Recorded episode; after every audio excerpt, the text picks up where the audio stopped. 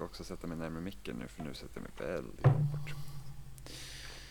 Kanske inte hjälper att jag typ börjar prata lägre heller. Så bara, åh, jag måste sätta mig närmare micken. Så. ja. Jag är, jag är redo. Mm. Ja. Jag skulle säga jag också. ja. Bra Amanda. Det var jag som lät helt väck. Ja. Ja, ja. Jag med tror jag. Ja, men du då? Bästa comebacken.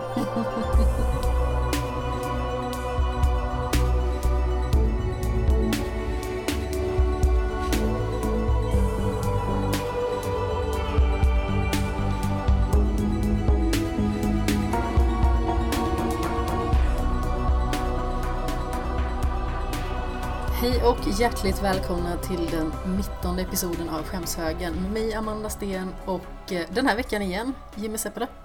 Hallå, Välkommen tillbaka. mig blir man inte av med. Tack, tack. Nej, inte första taget. Eh, nej, precis. Jag bara nästlar mig in och så bara hej. nu är jag här. Du, Du, bara du vet hon är. jag bor här nu. Ja men du vet så här typ. Katter kan ju vara så att om, om man ger dem mat så bara då stannar de. Jag ger dig podd och stannar du. ja men precis, jag bara åh, här, här är mitt nya hem. Ja, hur är det med dig? Är det bra? Eh, det är bra. Eh, sovit två timmar så att eh, allt kan hända känner jag. Ja, Det är alltid besvärligt när man har sovit för lite. Det känns som att dagen kan ju gå hur som helst då.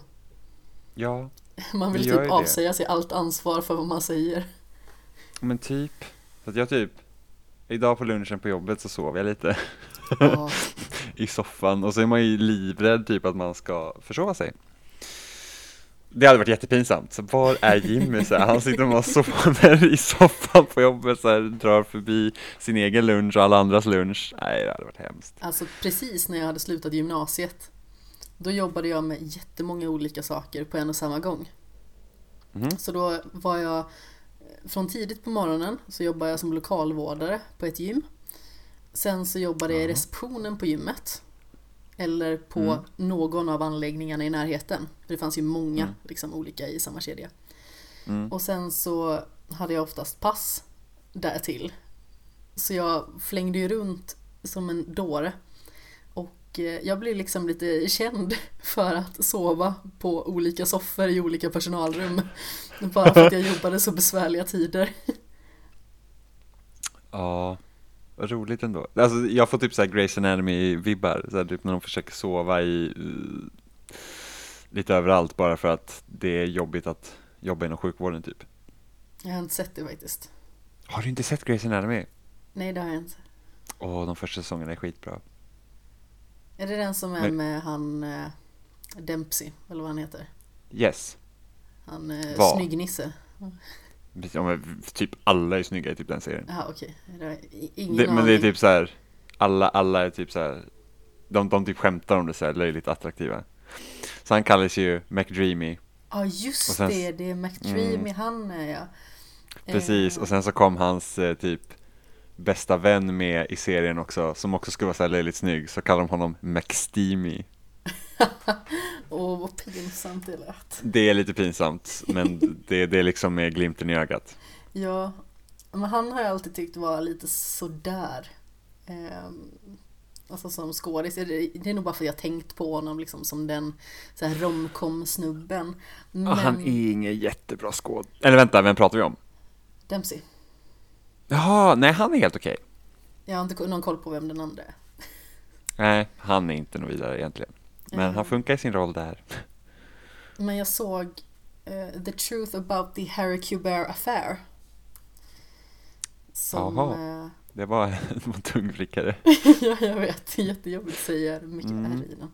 Ehm, otroligt bra liksom, thrillerserie. Det Mm. handlar om en, eh,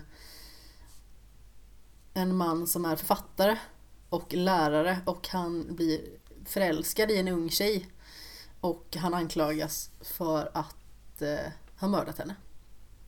Jaha, Så eh, den kan jag rekommendera varmt. Den är faktiskt riktigt bra. Jag har inte läst boken heller, men eh, de jag känner som har läst boken säger att eh, den verkligen gör boken rättvisa, den här serien. Hmm. Så det är Och bra. det var med, och det var med Dempsey, eller? Mm, precis. Vad heter han i förnamn? Patrick. Det är Patrick. För jag bara så här, Joe Dempsey är fel för det är han som spelar, och vad är det han heter? Eh, Arias ligg i Game of Thrones. Gendry. Gendry. Han har blivit degraderad till Arias ligg. Eller hur? Det var så här.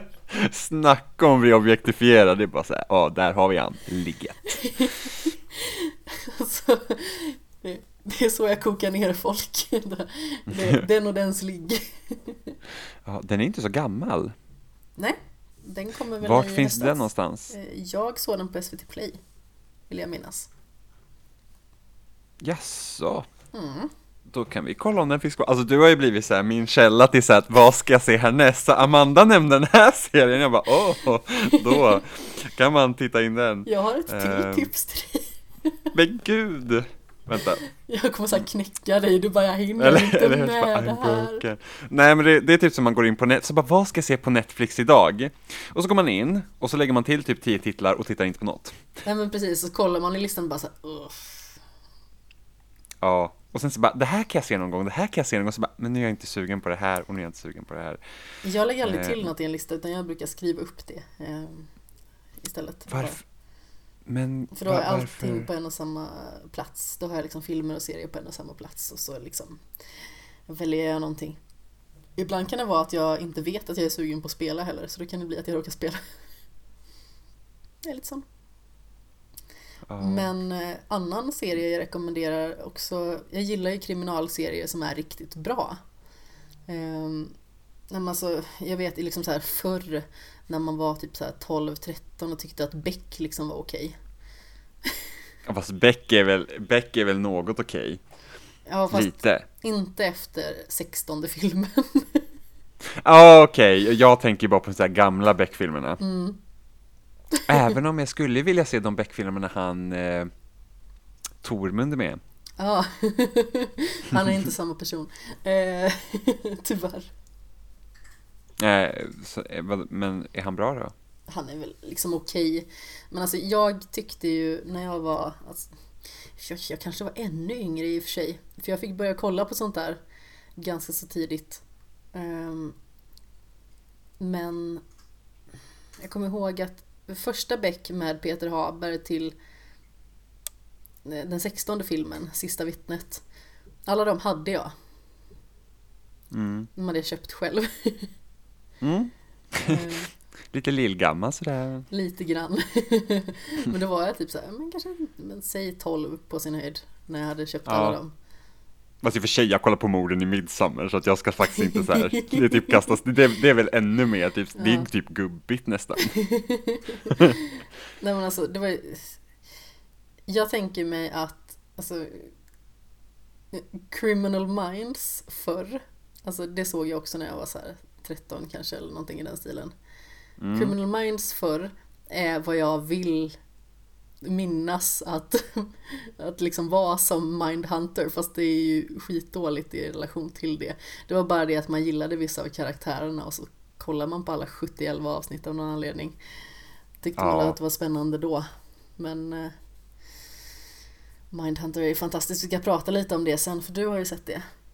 Ja, efter din rekommendation. Mm. så det blir så att jag bara, ja men det kan jag kolla Jag ska på. ta en rekommendation först innan vi hoppar in på Mindhunter. Så, yes. Men eh, då säger jag The Fall om du inte har sett den.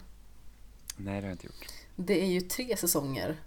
Eh, Jag tror att den är irländsk vill jag minnas. Mm. Jag såg den bara för några månader så jag borde ju komma ihåg det här. Eh, Det är med Gillian Anderson i huvudrollen. Idag är det jag som inte säger alla bokstäver. Gillian Anderson.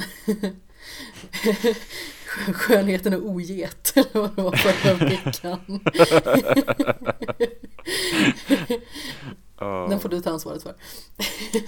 ja, ja. Och sen så är det ju Jamie Dornan, även känd som eh, mannen i 50 Shades-serien. Jaha, Och han är faktiskt riktigt bra. jaså? Mm. Jag skulle ju aldrig få för mig att eh, se mer av de här 50 Shades-filmerna för att det är ju något av det sämsta jag har råkat kolla på. Ja, jag har ju faktiskt inte sett dem. Nej men jag, har råkat liksom komma över, jag tror det var första filmen typ fem minuter eller någonting. Jag tror att det var när jag var hos mina föräldrar eller någonting och det var ju Alltså det var så kackigt va? Ja, men sen så är det ju så att de två eh, som har huvudrollen i de filmerna, de hatar ju varandra på riktigt. Alltså? Ja, det har jag hört i alla fall. Eh, så att det förklarar väl en del att det inte riktigt kanske Lirade. funkar. Ja, precis, men alltså de, de verkligen typ, de, typ tål inte varandra. Oj vad skumt. Det är kanske lite svårt att spela eller så här, romantiskt involverade. Eller vad man nu ska säga. Att de, är- men jag tycker det är lite skumt sådär med alltså 50 shades. Alltså hur helt plötsligt så blev det så här jättespännande med lite så här BDSM-hållet och liksom eh, tjejer som eh, så här kollektivt sitter och flätar benen liksom på biosalongen. Det känns lite mysko ändå. Ja, Men det är bara i den formen som det är okej med BDSM. Av någon anledning. Bara för att det är någon form av, eh, jag vet inte, någon form av så här fantasidröm som den eh, bokserien har varit för många tjejer. För att det har varit spännande på något sätt. Jag fattar inte det. ja men precis, det är liksom lite så här typ att Ja men det blir lite som de här eh, Harley Quinn-romanerna också som man kan hitta typ på bensinmackar. kan man fortfarande? Ja, det kan man nog göra. Men liksom, Tjejer så- går så- bara in och tankar så jag... Jag har aldrig Tjejer går bara in- reflekterat över det. Tjejer går bara in och tankar. Ja, eh, jo men det, eh, ja men du vet så här typ det här med, med framsidan med typ så här eh, halvt avklädde mannen med liksom eh, eh, supermusklerna och sen så typ kan man se typ en så här enhörning i bakgrunden. Men så här drömst eh, liksom omslag liksom så här. Ja. Eh, men typ, det är väl typ 50 Shades of Grey fast typ hårdvarianten då. ja, kanske. Jag vet inte. Jag, jag som sagt, jag har inte läst Harley Quinn-romaner eller 50 Shades of Grey. Nej, jag har inte läst 50 Shades. Jag kan tänka mig att eh, böckerna är bättre än filmerna dock. Men eh, Alltså, alltså jag vet inte. Alltså, i, det är ju liksom, 50 Shades of Grey är ju liksom så här, från början var ju det fanfiction på Twilight. jaså? Visste inte du om det? Nej, Nej, det men det var sig, det. alltså det känns som så här, bitarna faller på plats för jag tycker ju också att Twilight är urlöjligt. Jag har läst de tre första Twilight-böckerna. sade han med ytterst stor stolthet i rösten. ja, precis, jag. Eh, nej, men f- jag tyckte ju om första filmen. Eh, jag gjorde inte det. Jag har sett en också där. Eller någonting. Och det var inte så här. Åh, nu ska jag sätta mig och kolla på Twilight. Utan det var så här. med, antingen var det en flygning eller någonting i den stilen. Och verkligen så ah, vad är detta ens? Ja, min syrra introducerade mig till universumet med glittrande vampyrer. och, eh, och jag, men så här, första filmen tyckte jag var helt okej och sen så blev det ju progressivt sämre. Jag har inte sett de två sista. Och bö- första boken, fine. Andra boken så bara, nu är det varulvar och skit. Jag var såhär, ja nu är det lite och så, ja, det blev bara blaha Alltså jag Så såg ju True Blood å andra sidan. Och jag har inte sett True Blood. Det är faktiskt väldigt bra. Men det spårar också ur rätt mycket med liksom Were Panthers och grejer. Det är liksom samma sak som varulvar. Fast de blir Ja. pantrar istället. Ja, för jag hörde också att typ de första säsongerna av True Blood ska vara jättebra. Ja, alltså det är ju superbra. Alltså första säsongen, den... eh, Ja, den eh, hookade mig hårt faktiskt. Jag tyckte Mm. att den var riktigt bra och framförallt liksom den här spänningen som är mellan de två primära huvudkaraktärerna liksom. Alltså den är... Den är riktigt stark, jag gillar den. Mm. Då ska vi se, och då är det, och huvudkaraktären, är det, Alexander Skarsgård och Nej, Anna... Eh, Nej, det Anna räknas inte Skarsgård som... Jag tror inte att han räknas som huvudkaraktär faktiskt. Det är Nej, Anna Paquin som spelar Ja. Suki Stackhouse och sen så är det ju eh, Steven Moyer som spelar eh, Bill Compton. och han är väl typ mörk. Han är den mörkhåriga va? Mm, precis, Mm. mörk och mystisk. Och sen så har ju eh, Alexander Skarsgård en... Eh, ja, vad är det han har? Det är typ någon form av nattklubb. Fantasia tror jag att den heter. Ja, men det är väl typ... Är inte det typ liksom... Ja, säger jag nu som inte har sett True Blood, men jag har fått för mig att eh, nattklubben, är inte det typ det liksom lite så här stället man hänger på? Ja, men lite grann. Typ Central Perk från Vänner. Som jag inte heller har Fast- sett. Har du inte sett Vänner? Men alltså jag har ju sett alltså, ströavsnitt men det är ju inte det att jag har följt det. Jag tycker ju inte om det så mycket, förlåt. Ja, men alltså så här är det. Jag, återigen min syrra, eh, vi, eh, vad fan var det vi hade sett? Vi hade, det var någon så här serie vi hade sett och så var ja men vi är så sugna på liksom att börja liksom köpa, för att vi, vi hade inte alla kanaler utan vi, eh, vi, eh, vi köpte typ boxar så man liksom, det kom ju så här en gång om året så fick man se eh, lite skit. Men eh, så tänkte jag, ja, men vi ska se på Vänner och så började vi kolla, kolla på det och vi, vi visste inte att det var en komedi. Så vi var ju jättebesvikna när vi såg först, för de bara skojar bara hela tiden, allt är ett jävla skämt för dem, tänkte vi. Eh, och var såhär, åh Varför för fan störigt. Ja men det är typ, vi vill ha en dramaserie. Eh, och sen, eh, sen såg man typ, efter man sett kanske så här fem, sex avsnitt, då var man hooked. Och älskar den serien verkligen. Så den borde du se, den finns på Netflix. Nej, Jo Amanda. jag tycker inte den är så bra. Det har jag sett. Förlåt. Vad Mm. Ja. ynkligt. Alltså. Ja, ja, nej man behöver inte gilla. Ja, Nej. men jag, jag, jag älskar den. Men åter till 50 shades of Grey. Eh, eh, det jag skulle komma till i alla fall var att eh, Jamie Dornan i den filmserien Alltså han spelar så otroligt märklig tycker jag. Ehm, och det känns ju som att de bygger upp någon form av skumbild av att alla som håller på med BDSM på något vis är så här halvpsykopater på något vis, eller Mm. sociopater som inte har någon kontakt med sina känslor överhuvudtaget och liksom är så här stela och våldsamma eller någonting i den stilen. Mm. Eh, Det det är väl lite det som jag har så stort problem med för att alltså, BDSM är framförallt är det väldigt bred, ska man säga, det är en ganska bred kultur. Eller sexuell kultur eller vad man ska säga.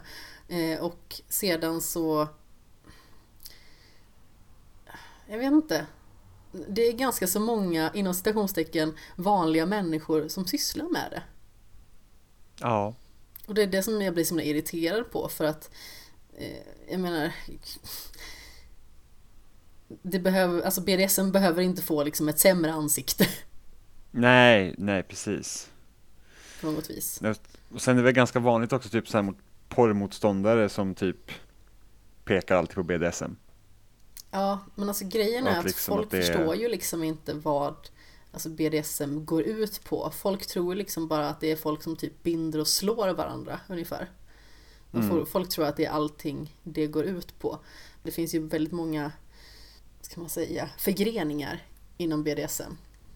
Mm. Så ja, jag vet inte. Jag tycker inte att det avspeglas bra.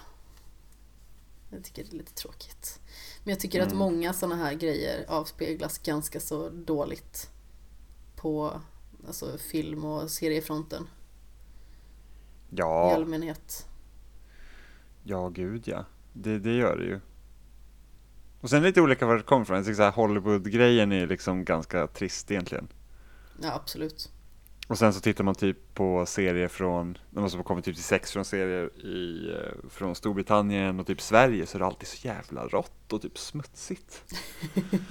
ja men alltså det är verkligen liksom så här typ, om jag tänkte typ, om, om man bara tänker så här hur våldtäkt ofta utspelar sig liksom i amerikanska serier Mm. och sen går det typ till kanske en svensk serie eller liksom en brittisk serie så är det ju det är ju stor skillnad. Ja, absolut. Alltså i USA så är det ofta, det är ofta någon så här försköning om att det är liksom inte så här ja det händer och det är hemskt men det är ändå inte liksom så här typ det är nästan, det är aldrig mörkt och tryckande på det sättet.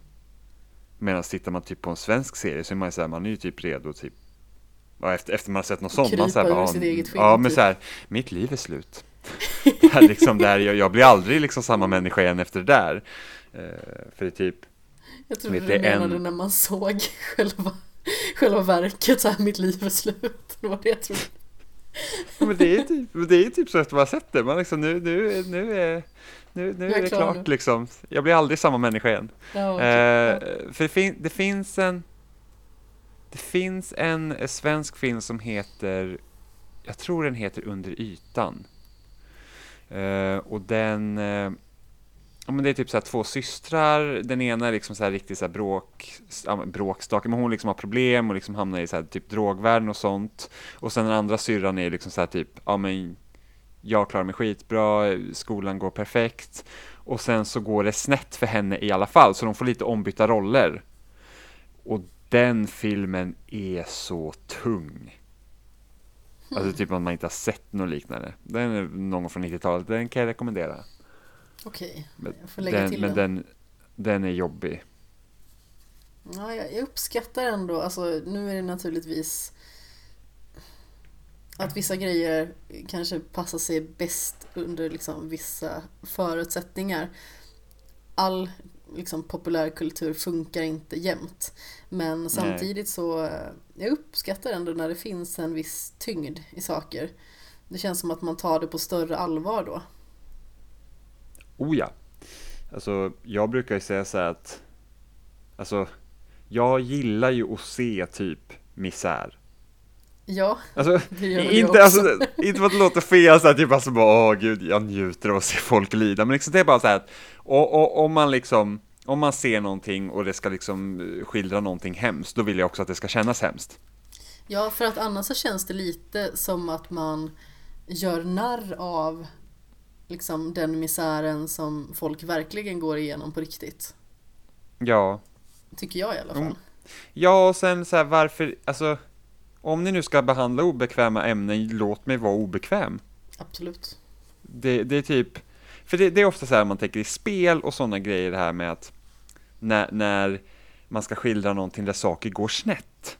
Mm. Så, får, så vet jag att många pratar så nej men det får aldrig kännas som att spelaren inte har eh, makten att övervinna det i alla fall.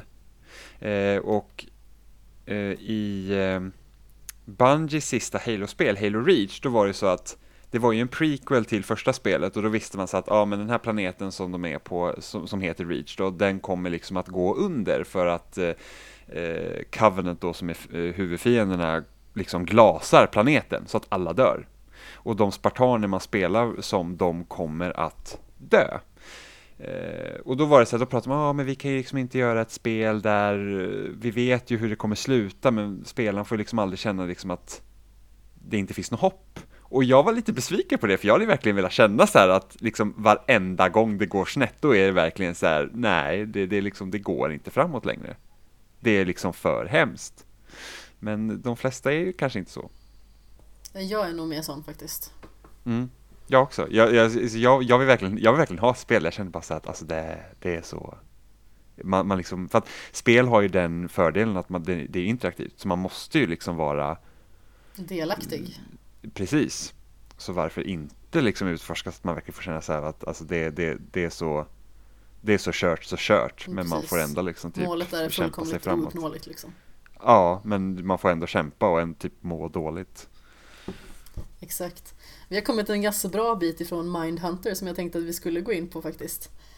Mm. För jag har tipsat dig om den eh, efter att jag har sett den 71 gånger ungefär.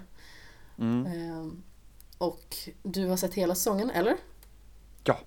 Jag blev klar med sista avsnittet. I natt när du inte kunde sova. Exakt. och det var ju så här, jag brukar sova på en gång, men jag tror att det blir så här, åh det är så bra, så jag kunde typ inte sova heller på grund av det. Kanske. Eh, Men vad tyckte ja, du? Eh, jag tyckte att den var väldigt bra. Och jag är väldigt förvånad över att den inte har fått, alltså blivit uppmärksammad mer. Eller hur? För att liksom, Netflix har ju sina så här, ah, House of Cards, eh, Orange is the New Black, Stranger Things som är värsta stora grejen, Glow, vilket också är bra.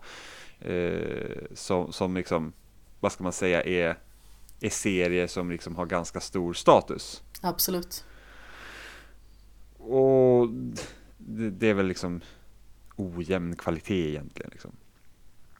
På dem. Det är liksom inte så här typ att när HBO har sina liksom serier som är liksom har den stora statusen så är alla liksom oftast genomgående bra. Eh, och så tittar jag på Mind och Mindhunter var så här, jag har hört liksom, jag vet att jag har kompisar också som har sett den, så ja, men den är bra liksom. Men, men det, det liksom känns som att den kom och gick. Eh, och så bestämde jag, ja, men jag har ju haft den i min lista, så jag tänkte, ja, men då kollar jag på den då eftersom du tipsade om den, så tänkte jag, ja, jag, jag har liksom inte något annat att säga just nu.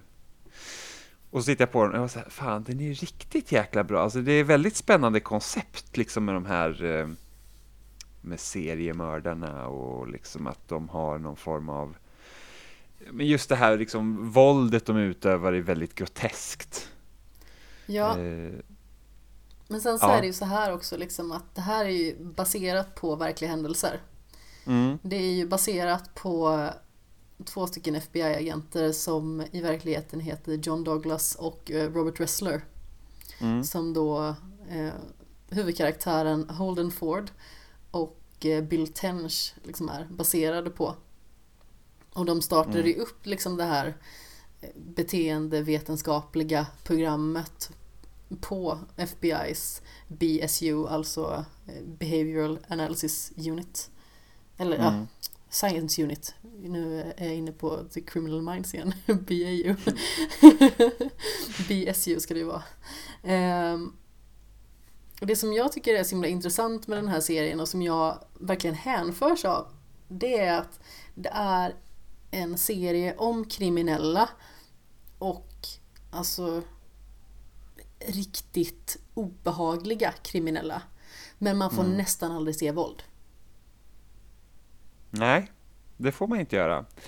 Eh, Man får, oftast är det liksom förpassat till bilder Ja, och så får man höra om det.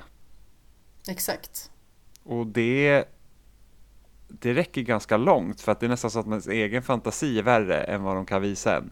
Och liksom just att man får se de här två karaktärerna, eller ja, jo men två, de här två eh, FBI-agenterna och liksom hur de reagerar på våldet och sen så får man ju se hur han Holden liksom han blir mer och mer avtrubbad mot det ju längre in säsongen går.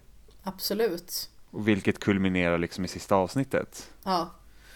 Eh, vilket också var rätt så intressant. Eh, men sen så, en, en annan grej jag tyckte var rätt så spännande var just det här med att eftersom det är ganska stort fokus på våld mot kvinnor i serien eh, eftersom de här, de, de liksom riktas in på är, utför ju liksom sexuellt våld mot kvinnor. Det är liksom typ den Ja, generellt sett är det ju det. Ja, precis. Eh, dock så visar då Holden och hans liksom relation till hans tjej är väldigt mycket kvinnodominerat Ja, i det sexuella. För att han tillfredsställer alltid henne. Det är aldrig tvärtom på, på, på det sättet. Vilket också är en ganska så här eh, ovanlig kontrast. För så brukar det inte vara. nej men precis. Heller. Men deras relation tycker jag är väldigt genuin och jag uppskattar den väldigt mycket. Alltså, jag är inte en sån som behöver ha massa liksom så här romantisk liksom distraktion i en serie. Det behöver inte finnas där. Men jag tycker att den är väldigt charmig när den kommer in för jag, jag känner igen mig lite i Holden och hur han är som person. Mm. För att han är väldigt duktig på att analysera sin omgivning och personerna som finns i den. Men han fattar liksom inte att tjejen han har träffat är hans flickvän. Liksom. Nej.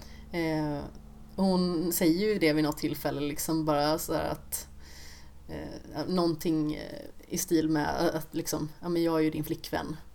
Alltså bara väldigt förenklat nu i det här sammanhanget och han bara, är Mm. du min flickvän? Ja, Och det är det är helt supergulligt. oblivious liksom. För att alltså, han har liksom inte koll på det som är precis framför näsan på honom. Och det är ganska så Nej. roligt. Alltså, dels så känner jag igen mig för att Alltså det är väldigt svårt att analysera det som är i liksom den innersta sfären som är runt den för det är för nära på något sätt för man, man får liksom inget perspektiv till det överhuvudtaget. Ehm, Så jag tycker att det var så väldigt slående sådär liksom hur han eh, ja, men, han måste nästan liksom så här informeras av henne om att men nu är du i ett förhållande här med mig. Ja. Men hon är ju rätt så rolig, den karaktären, för att hon är också så rätt fram. Hon är oerhört rätt fram. Men är det inte också lite så här, alltså är inte det lite insinuerat också att hon också kan ha typ psykopatiska drag? Eller har jag läst in det helt i onödan? Jag har aldrig läst in det så. För jag vet att hon, för hon, hon beter sig lite underligt emellanåt. Och att hon Ja. kan vara väldigt kall från och till. Ja, men jag, jag skulle snarare säga att alltså, sättet hon beter sig på, det är liksom Det kan nog vara lite Ja, alltså hon kanske inte riktigt accepterar hur mycket tid han måste lägga ner på alltså sin forskning samtidigt som hon ju ändå är en karaktär som eh, hon har ju, håller ju på att läsa sin eh, liksom, magister i vad är det, typ sociologi eller någonting i den Ja, stilen. sociologi. Eh, Vilket är, jag gillar ju den akademiska vinkeln. Eftersom Mm. jag har ju läst medie och kommunikationsvetenskap, vilket är i princip sociologi med fokus på medier. Mm. Så att när hon pratar liksom så här Goffman och sådana grejer, jag bara åh, jag vet vad hon pratar om. så det var rätt så kul faktiskt. Eh, och prata liksom det här typ med olika ansikten och sånt. Och det är ju liksom en teori som man använder i medier också, just speciellt när man eh, pratar om sociala medier. Ja. Och vilket liksom ansikte vi har på sociala medier och liksom det är vårt frontface och sen har vi vårt backface eh, i vår privata sfär. Och liksom hur de två grejerna håller på att eh, blandas ihop med tanke på att vi är alltid online nu mer eller mindre. Och man kan inte riktigt vara säker på vad, vad är ditt frontface och vad är ditt backface och hur använder man dem och den privata sfären håller i princip på att eh, luckras upp. Mm. Så att eh, det, det, jag gillar ju liksom den grejen att det var inte så mycket fokus på liksom detektivarbetet på det sättet utan det var väldigt mycket så att okej men vi skapar den här nya metoden för att kunna hitta eh, förövare innan det händer någonting. Mm, exakt. Det här utspelas ju på 70-talet så det är ju liksom i vaggan av liksom den här eh, beteendevetenskaps eh, liksom analysgrejen inom eh, kriminologi. Och eh, alltså jag, jag tycker det är så spännande liksom hur de har byggt upp alltihop. För de åker ju runt och träffar olika typer av mördare helt enkelt. Mm. Eh, Och de har ju till exempel Ed Kemper som är väldigt välkänd. De har några som är kanske lite mindre kända men som ändå är eh, eh, ja men alltså de är nog kända i det området där de har härjat. Om vi säger Mm. liksom i verkliga världen. Vi har Jerry Brudos till exempel som har eh, ja men han, den här snubben med skofetisch till exempel. Mm.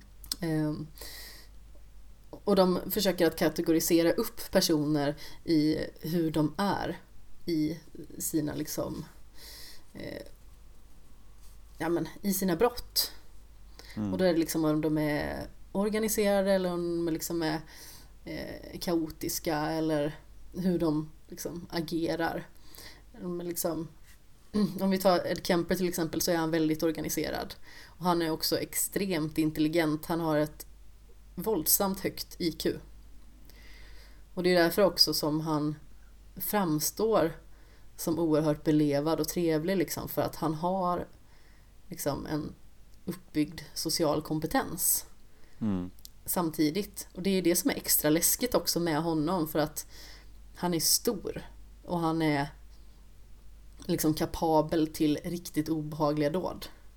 Ja, vilket var så jäkla läskigt där sista scenerna. Ja, När han liksom bara reser sig upp och säger bara, "Ja, men jag skulle liksom kunna döda dig och man ser liksom de här vakterna och sjuksystrarna, de liksom de lämnar liksom för att de måste göra något annat och han liksom märker alla de här små grejerna att ja, men nu finns det liksom ett tillfälle här jag skulle bara kunna avsluta ditt liv.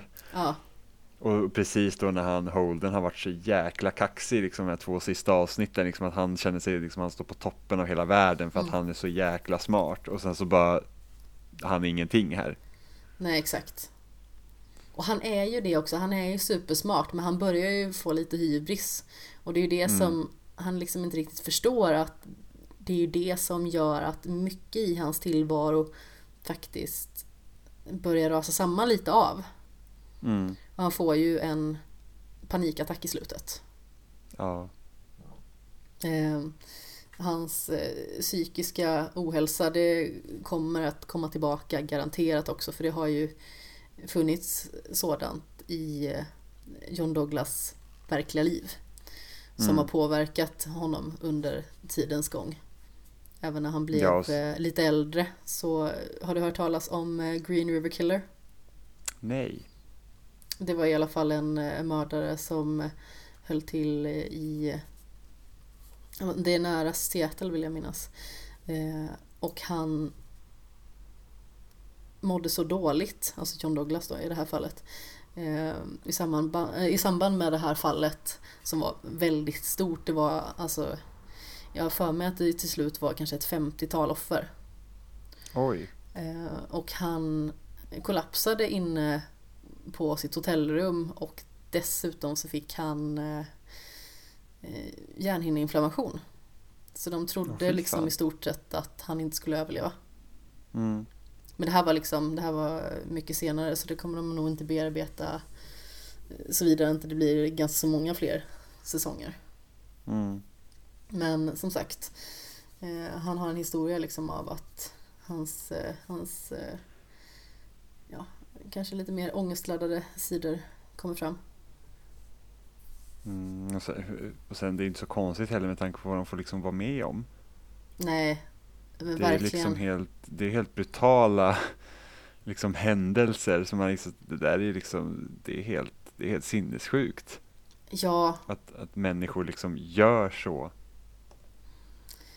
men alltså ta också alltså, kring alltså, både Sacramento och, och det hållet. ehm, även vad är det, vad var det Zodiac var härjade för någonstans? Ja just det, vad fan var det någonstans? Och det var inte Michigan eller? Nej, det var det inte. Nu ska vi se här så att jag eh, inte försäger mig för nu har jag lite lite dåligt minne. Jag vill minna, alltså det är Kalifornien i alla fall. Ehm, Okej, vi ska se. Ja, San Francisco bland annat. Eh, Benicia, Vallejo och Napa County. Mm. Men eh, ja, hur som haver, alltså det var väldigt många seriemördare som eh, påbörjade liksom sin inom citationstecken karriär under 70-talet. Eller Mm. kring 70-talet. Eller var väldigt högaktiva då för den delen. Ehm, Så det är väldigt många så här eh, obehagliga fall i den eran. Det, alltså, det var ju väldigt farligt.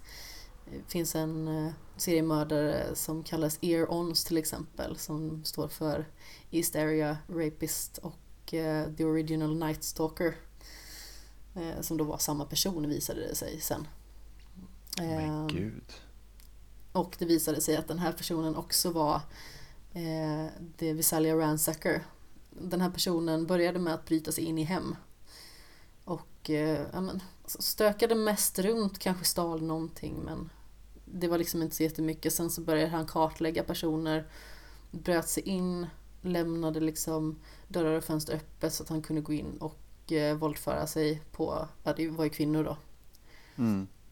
Eh, Och sen så avslutade han inom citationstecken sin brottsliga karriär med, jag tror att det var tio mord eller någonting i den stilen. Nej men fy vad hemskt. Eh, Så det är ju så otroligt många personer som den här människan har på sitt samvete.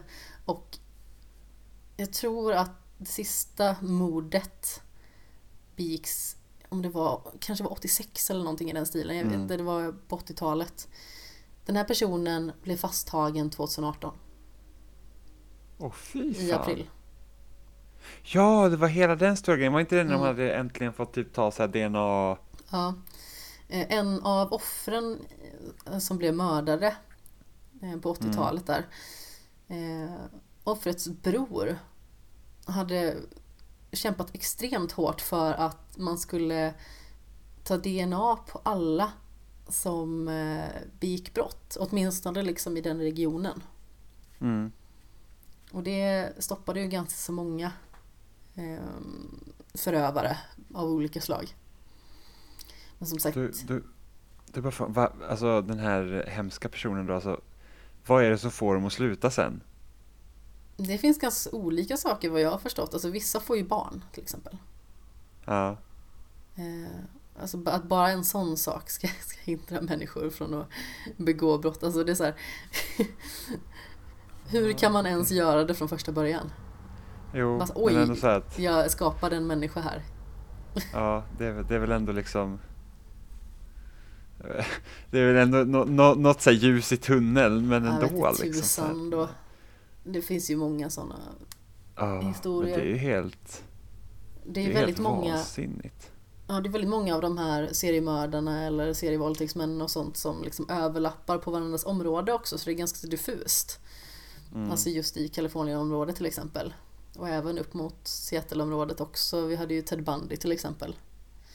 Ja. Ehm, och sen så har du listat ut vem den här luriga snubben är i Mindhunter som man får se i bakgrunden hela tiden. Alltså, typ varje avsnitt nästan så får man se en snubbe Ja. med mustasch som ser jävligt hemlig ut. Ja, jag trodde att det skulle leda upp till någonting sista avsnittet, att det skulle typ vara sista caset eller något sånt, men jag har, jag har ingen aning. Det jag tror att det kommer gå in på, det är nästa säsong. Ja, Man får reda på vem det är. Men jag ska inte avslöja vem det är då. Vet Nej, man det där uppe bra. så, så vet man det. Jag listade ja, ut det jag eh, på, på sista avsnittet när han står och bränner bilder. Mm. Men som sagt, Ja, jag jag- håller det för mig själv. Ja, jag har ju ingen koll på liksom, de här händelserna så att jag har inte lä- läst någonting om det. Så att Jag är en sån hemsk människa som sitter och lyssnar på eh, poddar om seriemördare och sånt. ja, jag, lyssnar, jag lyssnar typ så här, jag lyssnar på saker om spel och sen typ om en, och mer så här typ, ja det här är bra att veta, typ hur fungerar en solstol? Nej men liksom typ sådana saker. och jag liksom lyssnar Fungerar på, en solstol? ja massa, och sen typ intervjupoddar lyssnar jag jättemycket på, Ja. det tycker jag. Nej, jag lyssnar på poddar om spel och film. Eller allmänna nörderier och typ seriemördare. Jag lyssnar på så jäkla många poddar så jag har typ så här 17 stycken. Jag lyssnar inte så mycket på podd just nu faktiskt. Men som sagt. Nej. eh, Ja, men jag gör det, därför jag inte kan lyssna på, därför kan jag inte lyssna på så här eh, ljudböcker för att jag lyssnar på så mycket poddar. Så, Typiskt. ja, det finns bara så många timmar på dygnet. Ja, verkligen. Jag ser otroligt mycket fram emot andra säsongen. Jag tror att det kan bli fortsatt fantastiskt. Tanken var ju att Mindhunter säsong 2 skulle komma i slutet av 2018 redan.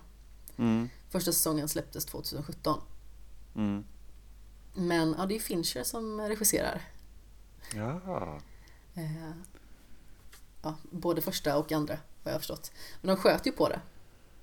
Och jag tycker att det är väldigt eh,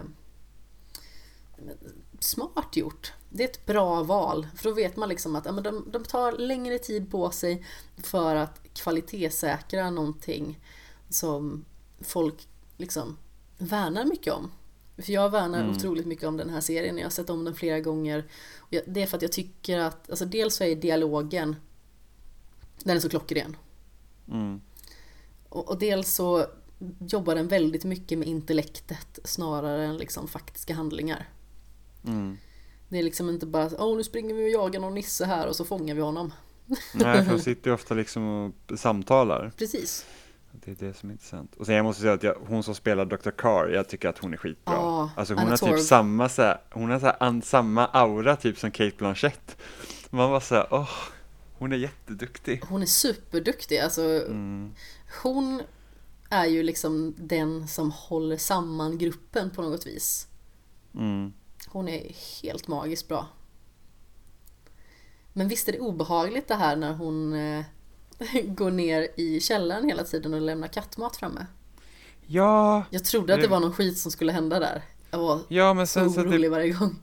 ja men först var det så här att, ja men den var äten och sen gick hon ner dit så hade inte någon rört den och hon blev typ livrädd och grejer. Så man var så här, vad är, vad är, vad är det liksom? Ja. Och sen den där nissen som eh, skickade bandet till eh, en jävla, Ja, som skickade vidare till eh, ja de som, till den här et, intern utredning. nämnden. Ja men precis, äh, vad är det för någon liten Ja, man blir ju förbannad. Ja, jag visste att så fort jag såg han visste jag att han var problem. Det var liksom, det Jag har redan glömt hans namn, jag kommer bara ihåg hans gråa ansikte. Typ. Ja, jag kommer inte heller ihåg honom, men liksom en riktig sån här, ja, nej, det var ingen ryggrad i den människan riktigt. Nej, men alltså grejen är att Holden tar ju vissa lite okonventionella grepp för att få ur de här seriemördarna det som alltså, de behöver veta för att kunna göra liksom, sina efterforskningar. Ja. ja, jag förstår ju lite det här med typ, att du pressar fram en, en, eh, ett erkännande, för Mm. det är inte säkert att det stämmer. Eftersom han, han går så hårt att det liksom kan slå fel. Mm. Att det blir för jobbigt för den här människan så att den erkänner trots att det kanske inte stämmer. Ja, Fast de har ju redan erkänt och de är redan fällda.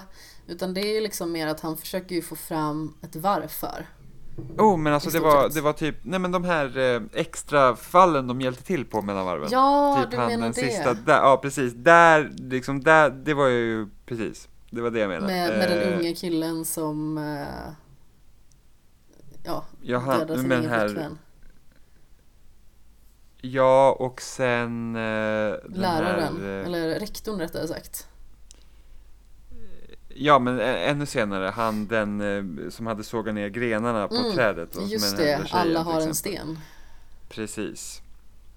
Eh, så att, att, då kan det vara så att även om han har gjort det så, så för han intervjun på ett, eller förhöret på ett sånt sätt att det liksom så att det blir så pass jobbigt för den här människan så att han skulle kunna erkänna fast det inte var han liksom. Mm. Eh, Men han har ju hela tiden någon form av knep liksom på den psykologiska fronten i ja, bakfickan. Och det är liksom att precis. vi använder det här redskapet för att trigga det här i hjärnan som gör att personen blir stressad vilket kommer att liksom leda till att den till slut kommer att eh, liksom knäckas. Mm. Men sen att han liksom är så ful i munnen och liksom pratar på sådana sätt och alla typ helt så här, åh nej! Och jag är så här, bara, men kom igen! Det är liksom, herregud, det är, ni måste ju förstå att det där är inte på riktigt liksom. Bara, åh, sådana där, nu, nu vet jag, alltså USA är liksom superreligiöst Ja. på 70-talet liksom, men alltså det är så här typ att, ja, åh, så det är sån här, det är perverst! Och man bara, ja men alltså, Det är ju poängen. Ja, det är liksom, han, han liksom pratar som att han är med dem så att de liksom blir liksom lite buddy-buddy liksom. Ja men exakt. Och det är ju det som är det liksom läskiga med Ed Kemper. Det är ju liksom att de Mm. kommer varandra nära och nästan typ blir vänner med varandra. Ja. Och det är en helt, alltså jag tycker han som spelar Ed Kemper, det är en riktigt bra prestation. Wow, ja. Alltså han är en av de bästa skådespelarna. Han är Alltså, så han, han är britt också. Ja, Så att uh, allt så här, man bara, alltså ändå gör han bra liksom eh, eh, amerikansk han gör ju en väldigt specifik Dialekt. accent också. Ja, lite, lite släpig, li, jag tror den lite, låter som det kommer lite söderut men ändå inte liksom för mycket söder. Om Mm. man säger så. Nej, det, det är magiskt bra. Jag tycker Ja att men det riktig, riktig fullträff faktiskt. Ja. Det är skönt att du gillar den. Ja, Det faktiskt. är så jobbigt när man sen- ger folk tips. Eh, och så är det Ja, vissa så som bara- tycker att de är, att, många tycker att den är för långsam. vad jag har förstått. Jag älskar ju långsamma serier. Jag, jag älskar långsamt också. Jag också, det är, det är så himla skönt, man, man, man får verkligen så bara suga sig Det är därför jag gillar Tarantinos filmer också, till exempel. För att han, han, ofta dialogdrivet och liksom får ta tid, du kan ha liksom en scen på tio minuter och man bara oh my god, vad bra. Ehm, men sen så, han som spelar Holden då i, i Mindhunter också, jag kände igen honom som fan, och jag bara såhär, vart har jag sett Han var med i honom? Glee.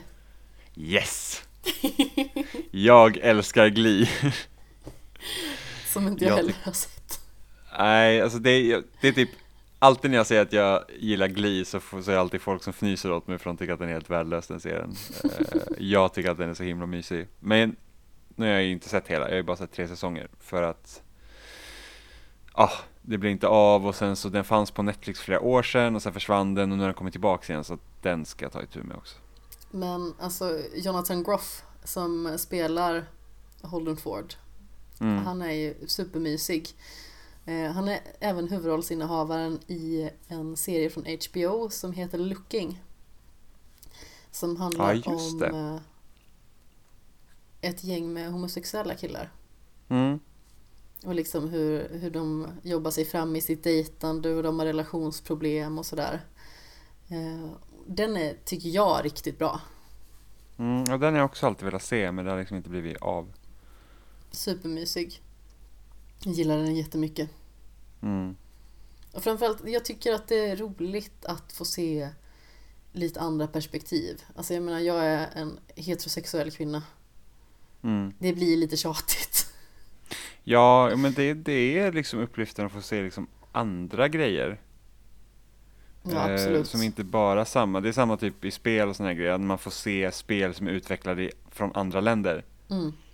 Så jätte, som till exempel Witcher så är utvecklat i Polen, det märks, liksom bara musik, hur liksom världen är uppbyggd, liksom vilka, vilka liksom perspektiv de tar. Därför är det lite tråkigt att deras nästa spel som är Cyberpunk liksom utspelar sig i en amerikansk stad. Och man bara, ja, Ja, exakt. för att det har vi inte sett tillräckligt mycket av. Eh, så att mer sånt. Eller typ när man spelar Yakuza Zero och så utspelar sig i Japan och är helt galet. Det är liksom kul. Ja men alltså nya perspektiv och från andra vinklar och liksom Mm. med karaktärer som är så annorlunda än en själv. Alltså jag, jag tycker det är väldigt utvecklande att se på för att man lär sig både saker om sig själv och man lär sig saker om alla andra också. Ja, gud ja. Alltså det, typ det är en av de grejerna jag gillar mest med de två engelska kurser jag gått eh, på universitet. Är att vi har ju läst mycket om postkolonial teori. Eh, och, och liksom läst eh, noveller som är skrivna utifrån det perspektivet. Och man lär sig så otroligt mycket. Mm. Liksom eh, hur, om liksom bara det är att, att, att europeer har liksom så här invaderat andra länder och försökt liksom radera andras kulturer och vad det gör med människor och hur de ser på världen efter det har varit liksom superlärorikt. Ja, det kan jag tänka mig. Liksom på ett sånt sätt att man säger bara ja, det är så här världen fungerar och det här är liksom bara de här små grejerna påverkar så otroligt mycket. Absolut.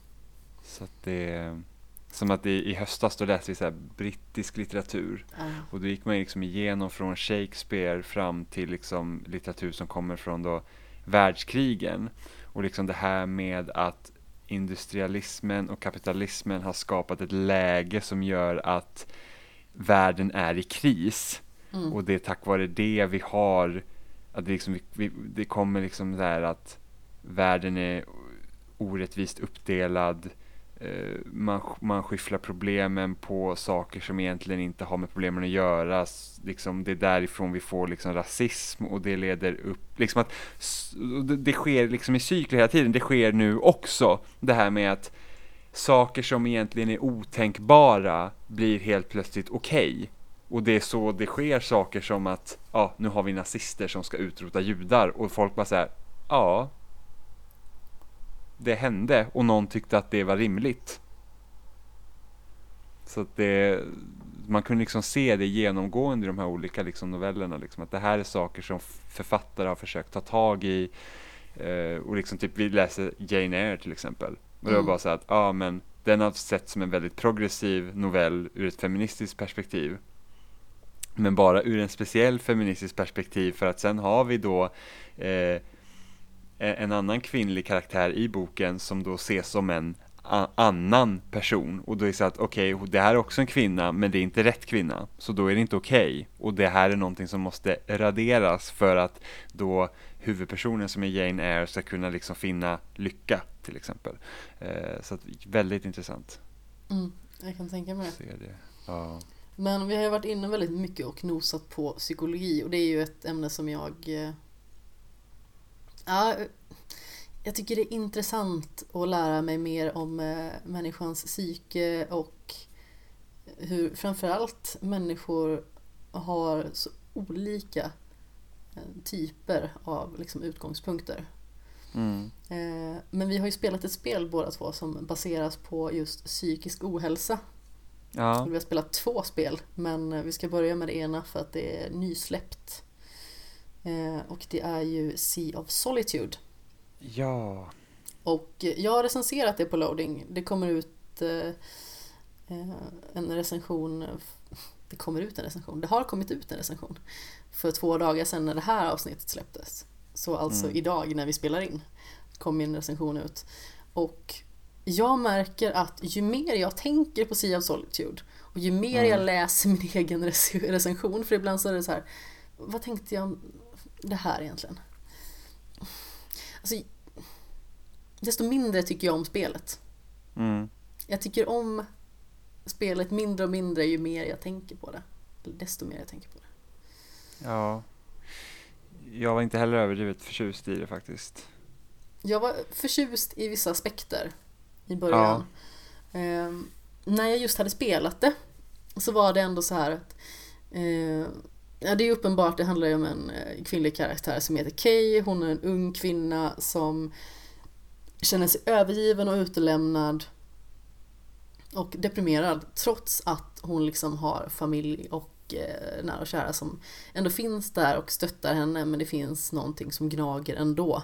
Hon mår uppenbart psykiskt dåligt. Och så ska man liksom mm. reda i vad det är som gör att hon mår dåligt. Och det har ju delvis alltså med alltså problematik i hennes självbild att göra och, och sådant. Och, eh, hon stöter ju på monster efter ett tag som eh, dels liksom talar nedlåtande till henne, som förtär henne och sådär. Och I början så jag känner liksom precis när jag hade spelat spelet att många av de här greppen är ändå ganska intressanta. Mm. Men det som var det största problemet i det här spelet det var ju röstskådespeleriet. Ja. Det är så fruktansvärt dåligt. Alltså nu är det ju så att det är ju, jag tror att det är med tysk brytning hela vägen igenom. Ja, de är från, nu ska vi se, undrar om inte den här studien är i Belgien? Det är Belgien kanske? Tror jag, inte helt säker. Jag har lite dålig eh, koll på just det ska jag villigt erkänna men det kanske är någon form av flamländsk brytning då. Men hur den står till. Så jag hade kunnat köpa att det är brytning. Det har jag inga problem med. Det behöver inte vara ren engelska. Liksom. Behöver liksom inte vara hög brittisk engelska bara för att jag ska liksom tilltalas av det. Även om man skulle kunna tro det, anglofil sten här. Men... Eh, anglofil sten. jag tänker bara, jag tänker bara en, en sten som är anglofil. en sten som har en sån här liten eh, du vet som tjejer har liksom på möhippor nu för tiden där det står Bride to be som bara står anglofil på. Ja. Kommer aldrig ihåg vad det heter. Men eh, hur som haver. Eh, jag hade kunnat köpa alltså brytningen. Men problemet är ju att det är ju röstskådespelarna som är dåliga. Mm. Ja, det, det känns det... väldigt, det, det, känns liksom lite påklistrat. Ja, men det känns som att deras tonalitet är hela tiden fel. De kan inte riktigt leverera det som karaktärerna ska utstråla att de känner på något vis. Det är väldigt Nej. sällan det går igenom rätt. Det är kanske en procent ungefär. Jag har mm. inte räknat på det. Så nu killgissar jag fram en procent här. Det får jag göra. Haha. Mm. Men... Jag tror typ pappan var typ den bästa röstskådespelaren tror jag. Ja, kanske. Eller eh, ja, pojkvännen potentiellt var helt okej. Okay. Mm. Men manuset är också jättedåligt. Ja, eh, inget vidare. Och, och jag tycker att det är väldigt synd. För att jag hade sett väldigt mycket fram emot det här spelet. I och med att just det här med metaforer för att visa hur man känner. Det Mm. tycker jag väldigt mycket om. Och det fanns väldigt mycket i det här som man liksom kände med på något vis. Alltså det här med att man, eh, man frigör ljuset från mörkret och mörkret kommer liksom... Det, det silas liksom ner i ens egen ryggsäck som man bär runt på hela tiden. Det är liksom Mm. med i ens bagage. Och ångestfisken i vattnet som jagar den hela tiden. Ja men exakt, ångestfisken. Ja, men det är ständigt närvarande, dyker upp.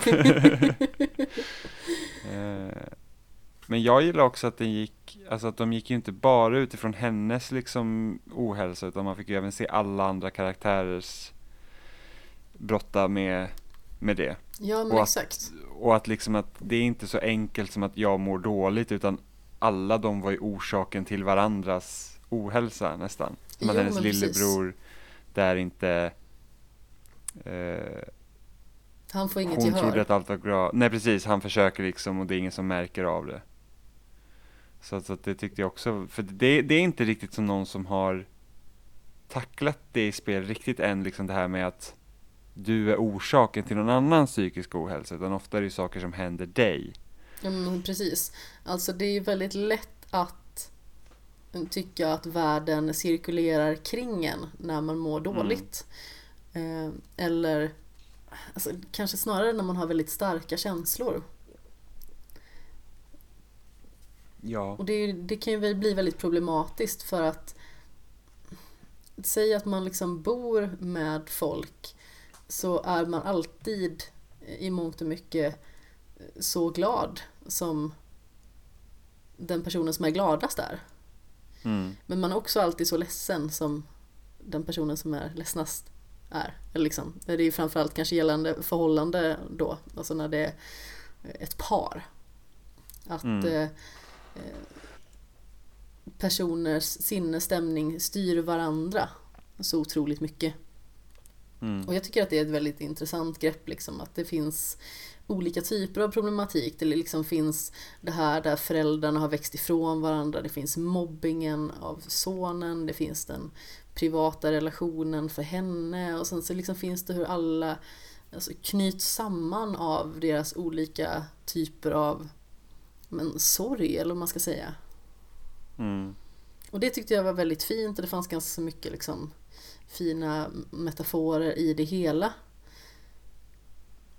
Men jag känner liksom att det mer och mer falnar när jag tänker på det.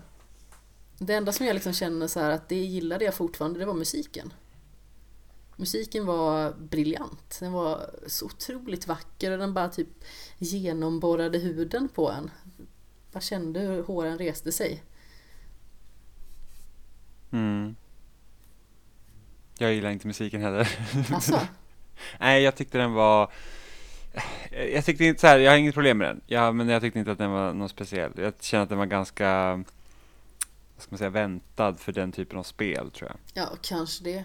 Jag vet inte, jag har en viss förkärlek för eh, eh, pianoslingor Mm. kanske. Jag förstår. Ehm, men det var ett jäkla massa babbel i spelet. Det var liksom så att med tanke på att det är Alltså spel är ett visuellt medium också så att jag känner att det är så konstigt att man hela tiden skriver rätt ut vad det är som händer och man har Alltså karaktärerna har dialog med varandra där man liksom hela tiden, alltså det är så att så här känner jag, det här är exakt vad som händer, det är liksom man det, finns inget utrymme för att reflektera själv. Skaparna skriver ju spelaren på näsan hela tiden. Ja, Och det tycker Ja, inte jag är liksom- okej. För att det känns som att det påverkar min upplevelse för mycket. På något vis. Ja, och inte för att det är något fel med att liksom karaktärer pratar med varandra, för att man ser liksom spel som typ Last of Us Uncharted och alla de här, liksom, där, där pratar ju folk med varandra hela tiden, men samtidigt har du liksom här en värld som inte existerar. Precis, det här är ju egentligen. liksom en är ju en imaginär värld som målas upp i mångt och mycket i hennes psyke. Precis. Eh, vilket gör att man skulle kunna använda de visuella medlen mycket mer till att försöka berätta historien samtidigt som man kanske är lite återhållsam med dialogen. Eh, och sen tycker jag att spelmekaniskt så tycker jag att det, det, det stärker inte spelet överhuvudtaget. Det jag liksom tyckte finns... att det funkade. Det var alltså, det, inget jag reflekterade det, över. Det, men det, det, är inget fel på, på att styra spel som man gör, där med att oh, man hoppar, man försöker liksom lösa små enkla pussel och sådana där grejer, men det stärker inte storyn. Eh, om vi till exempel jämför med Celeste till exempel, där hela spelet är att du ska klättra upp ett berg, mm. det är mm. jättesvårt, det handlar om att komma över din egen rädsla, så hela liksom spelet bygger på den här grejen. Eller ta till exempel Journey som har ett väldigt simpelt liksom spel där liksom, du ska ta dig till berget. Ja. Och det viktigaste är att du ska kunna gå, du kommer träffa andra resande på vägen och du har en kommunikationsknapp. Det är det. Mm. Och det, det funkar även om det är så simpelt. Det här känns mer som att ja, vi har gjort ett spel, vi ska prata om psykisk ohälsa, men du måste också göra någonting så att du kan typ hoppa och typ ta bort korruption i princip. Mm. Jag tycker liksom, att det liksom- känns som ja. att skaparna litar inte tillräckligt på sin egen produkt. De litar inte på att de kan skapa en produkt som står på egna ben utan att de måste hela tiden förklara vad som händer. Det är liksom som att de förväntar sig att de som spelar är dagisbarn på något vis. Mm. Och att de är fröknar, eller vad man ska säga. ja, men det är liksom att, vi, vi, det är så att vi vill berätta det här, men vi måste också ha ett spel och vi vet inte riktigt hur vi ska förmedla det här i, i spelet som så. Eh, för jag har också liksom hört andra prata om det här spelet och de säger att, för att det här blir så svårt för det här är ju eh, hon som är liksom då huvudskapare på spelet, det är liksom hennes personliga upplevelser. Ja. Vilket gör att då blir det ännu svårare liksom när man ska prata om så här recensera, för då liksom ska man tycka och tänka om någon annans riktiga upplevelser. Eh, men, men då finns det ett annat spel som kom för några år sedan som var That Dragon Cancer. Som jag hade lite problem med också. Ja, precis. Och det, det, det största problemet jag hade med det var ju liksom hela den här religiösa biten Exakt. sen. Men det, det, men det är också svårt för att det är deras upplevelse. Mm.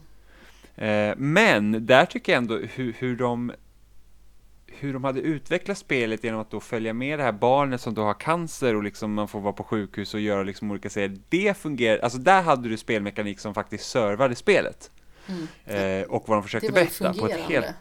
Ja, på ett helt annat sätt än vad det liksom var här. Och där fanns det liksom så här typ att, ja men du hade den här tumören som var ständigt närvarande och sen så fick man ändå så här, ja men det här är en jättehemsk grej men du är fortfarande ett barn så att då måste man liksom hitta på roliga grejer så man kunde åka den här lådbilen genom sjukhus och sen så typ flög man iväg för att det är liksom ett barns fantasi. Så de, de grejerna fungerar jättebra. Eh, så, att, så till skillnad liksom medan man inte har riktigt någonting här förutom att världen är liksom under vatten och vattenytan höjs ju längre spelet går. Mm. Eh, Eller ja, den vilket... höjs och sänks och ibland så delas Ja men precis, det, det händer liksom, det händer skit. Ja, exakt. Eh, eh, för jag tyckte att den var jättefin, men jag tyckte att det hade varit mycket mer intressant om de verkligen hade, hade kört hårt på att du har en båt och du rör dig framåt genom någon värld och liksom du kommer till, kanske till olika öar istället för att vara på samma plats hela tiden någonting sånt. För att det tyckte jag var ganska spännande liksom att ha Båten. Just det med båten, båten, vattnet och fisken. Det är ju den eh. absolut bästa metaforen Eh, det är ju havet. Ja. Eh, att när man mår dåligt då höjs vattnet. Det var mm. ju det som hände liksom, att vattnet höjdes när det blev värre och sedan så eh, gör man liksom ett framsteg i sitt mående. Då sänks vattnet. Mm. Mm. Och det hände några gånger men det var inte så jättepåtagligt eh, jämt. Men eh, ja, det, det, är synd för det hade kunnat bli så otroligt mycket bättre. Alltså, ett spel som eh, jag och Tobias spelade i söndags och nästan spelade klart det var ju Hellblade, Senua's Sacrifice. Mm. Och där blir det ju ännu mer tydligt hur mycket sämre Sea of Solitude blir varje gång jag tänker på det. För att när jag hade spelat Hellblade som är, det är ju magiskt verkligen. Mm det gör ju psykisk ohälsa alltså, rättvisa på något vis. Ja. Och hur liksom, och där har du också så delar som de verkligen gjort. Först har du ljudet då med alla liksom här rösterna som hela tiden pratar. Ja, och det, Eh. det är ju så jobbigt och det är många segment som faktiskt är riktigt läskiga i Hellblade, Mm. tycker jag i alla fall. Men jag är ju uttalad superfegis. Ja. Men det, det var, var obehagliga sätt, eller ställen i det spelet. Och sen så att kameran ligger så nära hela tiden så att du liksom är ju Alltså det och jag kommer inte, nu, nu är det, Det känns typ nästan som att man är förföljd. Ja, men nu är det typ två år sedan jag spelade, men det, jag, jag tror att när jag pratade om det här i spelsnack så var det typ så att det kändes som att att man själv är en av de här rösterna också som trycker på eftersom man styr henne men, och man, liksom, man, man är över axeln hela tiden. Mm. Hon Så vänder ju sig mot oss hela tiden och, och pratar med oss. Eller inte hela tiden, Mm. men då och då i alla fall. Och då känns det liksom som att Gör jag rätt nu? Mm, Är jag rättvis mot henne i hennes kamp här på något vis? mm, jag tycker att det är så otroligt in- intressant och framförallt de har liksom tagit ett, koncept till en helt ny nivå också med all den här eh, nordiska mytologin. mm. Det är också väldigt intressant hur de liksom har jobbat in den mitt i alltihop. Ja, men precis. Och bara så att, ja, men här har du liksom psykisk ohälsa liksom i en tid då folk inte förstod vad det var kanske. Ja men exakt. Så att det, ja, det här var ett väldigt spännande spel. Men där var ju så här att det hade ju kunnat levt utan så mycket strider som det var. Känner jag. Mm, Jag vet inte om jag tyckte att det var så exceptionellt mycket strider. Däremot så det- tycker jag att de... Jag har ju nästan inte spelat eh, någonting av spelet för det blev liksom att Tobias spelade väldigt mycket. Mm, Och sedan när vi hade spelat ett, eh, liksom ett tag då var det ganska svårt för mig att komma in och, och slåss. Så det fick liksom Mm. bli att jag styrde, alltså typ när vi skulle göra pussel och lite sådana grejer. mm, Lite mer. Eh, För att jag kände liksom att okej, jag är ju inte van vid den här stridsmekaniken nu. Och jag vill ju liksom inte riskera att vi ska dö för att förruttnelsen kommer ju liksom öka om jag råkar dö. mm. Så jag, jag fegar lite.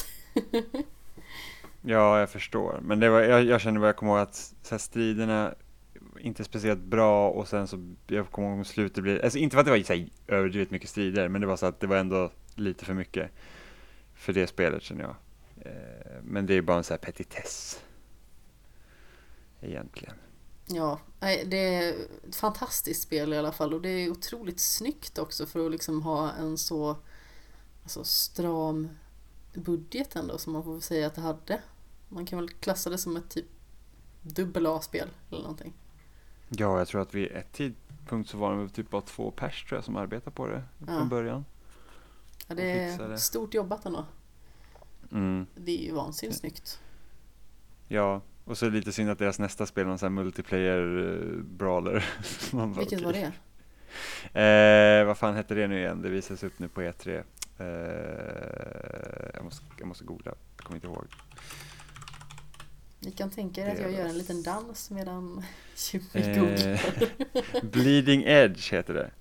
Det är så Jaha, här, typ, jag tror det är tre mot tre. Man slår på varandra. jaha. Mm. Typ, ja. Ja, man kanske behöver ha lite mellanspel då och då. Jo, jo, men sen det har varit i utveckling säkert en tid sådär. Men vi Precis. skojar om det, det var typ såhär Microsoft, de behöver liksom ha mer så här narrativt drivna spel och inte multiplayer-spel. Så tänkte jag, ah, de var och besökte Ninja Theory, så bara, åh, ett multiplayer-spel! Köp, köp, köp. Ja. Well, hello! så, ja. Ja, nej men som sagt. Psykisk ohälsa i spel, det har ju både varit liksom helt magiskt och också ytterst tveksamt. Och jag tycker ju att eh, Celeste bär ju den absoluta toppen på Ja, gud, liksom Celeste det berget. Det är ju Ja, ett av mina absoluta favoritspel någonsin. ja, det är så bra. Jag tror till och med att alltså, det är så svårt det här med liksom sätta in ett spel på en lista och liksom försöka väga spel mot varandra för att de är så extremt olika och vissa är så definierande för olika Mm. typer av liksom, tider i ens liv. Och jag tycker det är ganska svårt att peta ner Super Mario Bros 3 och Batman Arkham Asylum från toppen där, plats 1 och 2 någonstans. Men jag vill Mm. nog i så fall sätta Celeste på plats 3 i alla fall. Ja, ja men det, det är spännande. För att det... Alltså det träffade så hårt och jag ville liksom inte sluta spela, det gick inte. Mm. Alltså Och just dels... det typ, man pushar den att bli bättre och inte vara nedlåtande för att du inte var bra från början utan det var verkligen så att you can do it liksom. Ja men exakt och sen framförallt det här liksom som du och jag diskuterade när vi pratade om årets bästa spel förra året. Mm. Att det går att justera svårighetsgraden utefter exakt ens egna förutsättningar. Ja, Och det drog ju du en extremt smart parallell till liksom också att det är okej att be om hjälp när man mår dåligt. mm. Du behöver inte göra det här ensam. nej, Det kanske är svårt att göra det. mm. Men eh, det finns någonting där för dig i alla fall. ja, är det spelet helt makalöst. Mm. Ja, det, jag borde spela det snart igen men... Ja, Det ska komma, det ska komma en expansion till dig. Ja, men precis. Bita tag i saker. Spela. Mm. Jag tog nästan alla achievements. Jag har Oj. typ en svår, jag har typ en C-sida kvar tror jag. Ah, Nej, jag har fler C-sidor kvar. Jag ljög. Jag är klar med alla B-sidor dock. ja, vår, eh, eh, eller ja, åtminstone min kära vän eh, Tobbe Fix har ju tagit platina i Celeste. Mm, Det är starkt jobbat. det är bra gjort. Men jag i förbifarten nämnde ju Batman innan. Mm, som ett av mina favoritspel någonsin. Och inte bara det att jag spelade Enemy Within förra veckan och blev klar med det. Jag måste bara liksom beta av slutet där lite. Hur slutade spelet för dig? Spoiler nu eh, om det är någon som inte vill höra hur Batman The Enemy Within avslutas. Spola fram en minut, typ. Gud, hur slutade Batman för mig? Jag tror att Jokern blev... Han blev... Han blev en vigilante men på helt fel sätt. För att han liksom, han trodde att han gjorde bra grejer men han var liksom så våldsam. Mm. Jag tror det sket sig totalt för oss. Ja, alltså det är ju samma sak här liksom att eh, vi pushar ju på honom så mycket för att vi försöker vara hans vän hela tiden. Mm, Och på det sättet så skapar vi Jokern för att vi vill att han liksom ska vara en bra person. mm, Och Jokern vill bli som Batman. Men med sina egna medel liksom. För att han skyr ju liksom inte att kapa någons livlina. Om man säger så. mm, Eh, så vi gör ju liksom att han bara blir värre och värre och till slut så hamnar han ju tillbaka i finkan liksom. mm, Men också så finns det ju liksom ett segment, eller sista valet man gör i mångt och mycket. Det är ju eh, när Alfred, han är liksom, han orkar inte mer i den här miljön. Han orkar liksom inte att se Bruce Wayne må så dåligt och bli liksom sönderslagen.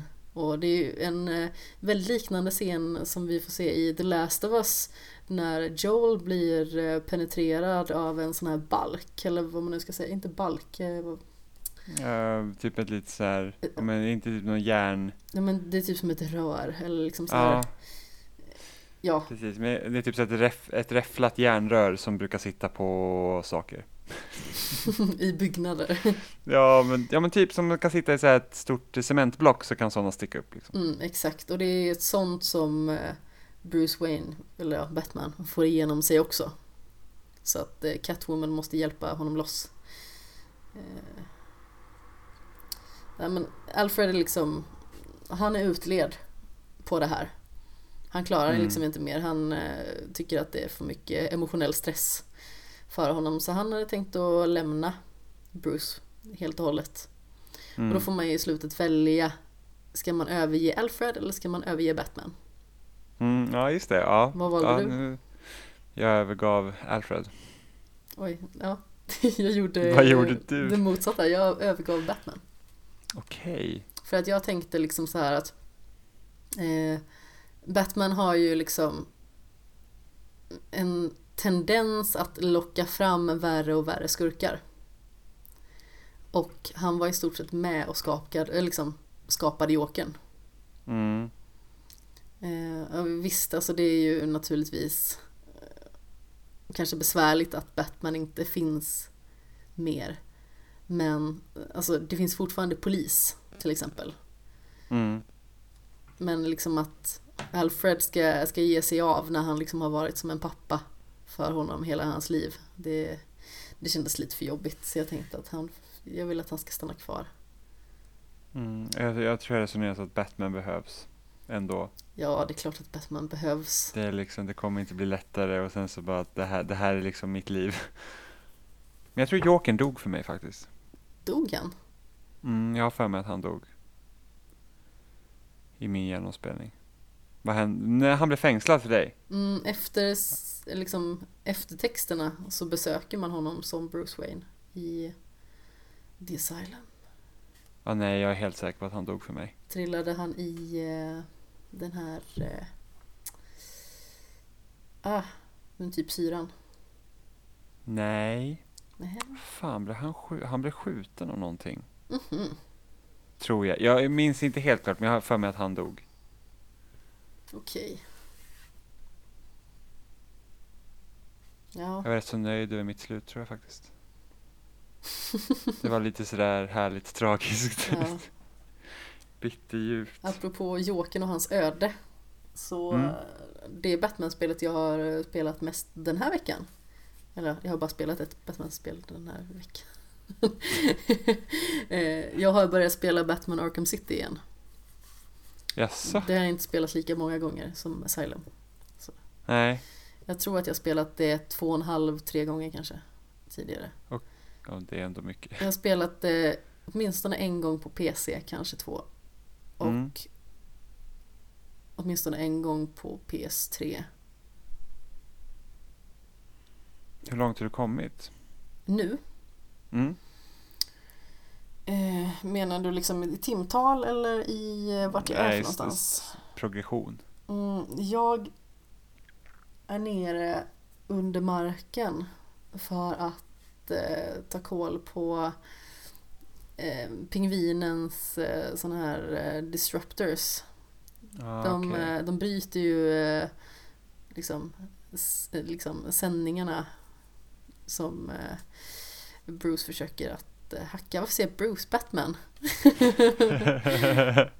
jag är liksom så ett med, med Bruce Wayne nu. Så Ja, vi, vi är så tajta. Ja, verkligen. Men, ja, men där någonstans är jag och sen ska jag in i museet liksom för att eh, Mm. pingvinen har ju tagit Mr. Freeze dit och Mr. Freeze är ju den som har medicinen som kan Precis. återställa både Batman och Jokern. Mm. Och förmodligen jättemånga i eh, Arkham City för att eh, Jokern fick ett dumbryt bara för att det skulle elda på Batman lite extra. Att eh, han skickade ut sitt blod till olika sjukhus. Just det, just det, just det, just det. Det är fantastiskt twist i Arkham City. Mm. Eh, vad tyckte du om Arkham Knight? Jag är lite kluven. Jag tycker att berättelsen var ganska bra. Jag kommer inte ihåg så jättemycket av det nu när jag ändå tänker efter. Men jag minns att jag tyckte att den var ganska bra då. När jag Ja. spelade den. Jag har inte spelat den på tre år. Nej. Jag har Jag bara spelat den alls. en gång också.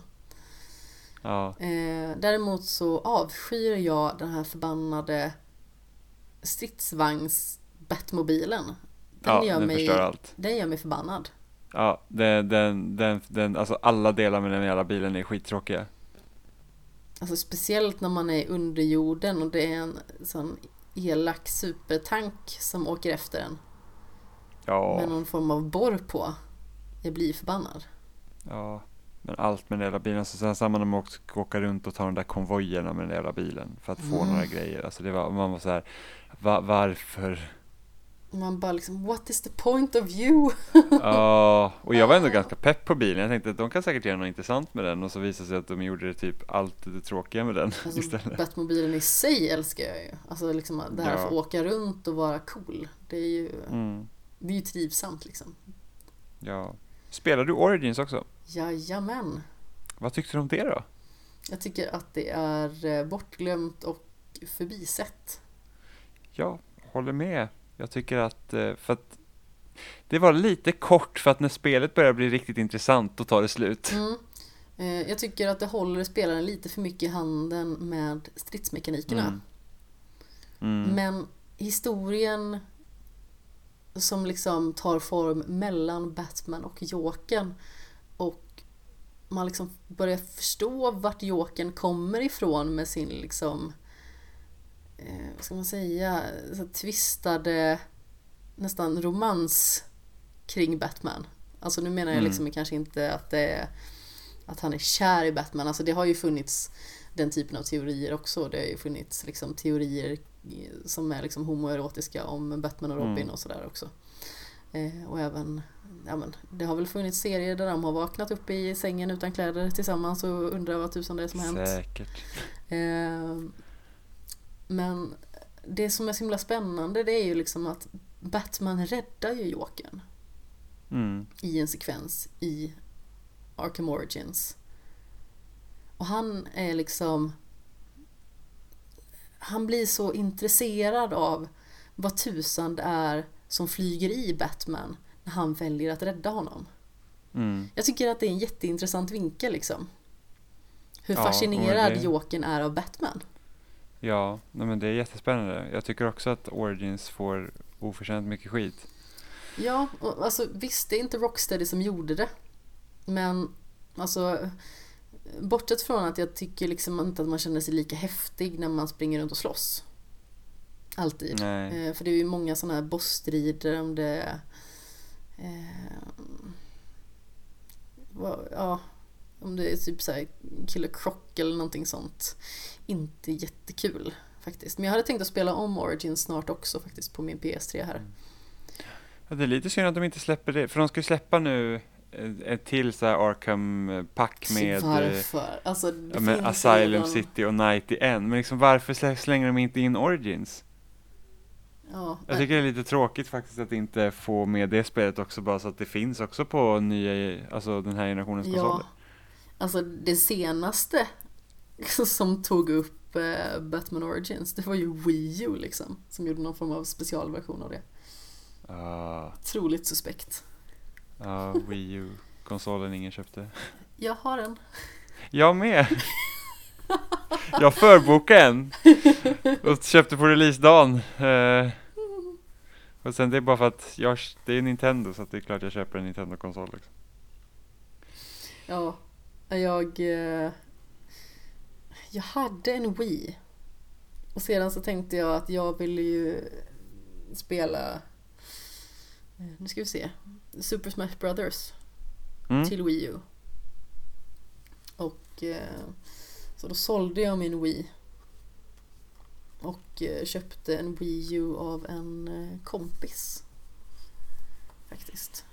Ja, så jag ja. betalade väl typ en tusenlapp eller någonting för, för att få en Wii U plus kanske fem, sex spel. Mm. Så det var väl helt okej ändå. Det här var ju också typ tre år sedan eller någonting Mm. när jag bröt mig fri och bodde ensam och eh, skaffade det jag ville ha liksom. Nej, men jag, som sagt, som ut slash inflyttningspresent till mig själv skaffade jag ju min PS4. Mm. Och det var första gången jag eh, hade den. Jag hade ju inte haft en PS4 innan. Nej.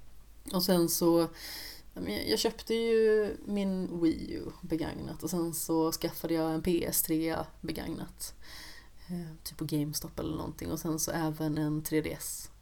Så då började jag liksom lagra på med lite mer aktuella konsoler som det var då då liksom för tre till tre och ett halvt år sedan. Mm. Men ändå kul att du bestämde dig för att köpa flera olika, att du liksom satsade inte på en. Nej, nej. Men en PS3 hade jag haft innan men det var liksom vår gemensamma konsol Ja, fast lite mer hans. Så då Ja, tänkte jag nu ska jag ha precis. en egen. ja ja, men det är klart. Jag ville ju kunna spela de favoritspelen jag hade på det. Ja, Och sen så naturligtvis ville man ju ha den senaste generationen också. Alltså i, Mm. i PS4 då. För jag, jag köpte ju Arkham Knight till PC på releasedagen. Det gick Ja, ju inte. Nej, var, var det något problem med...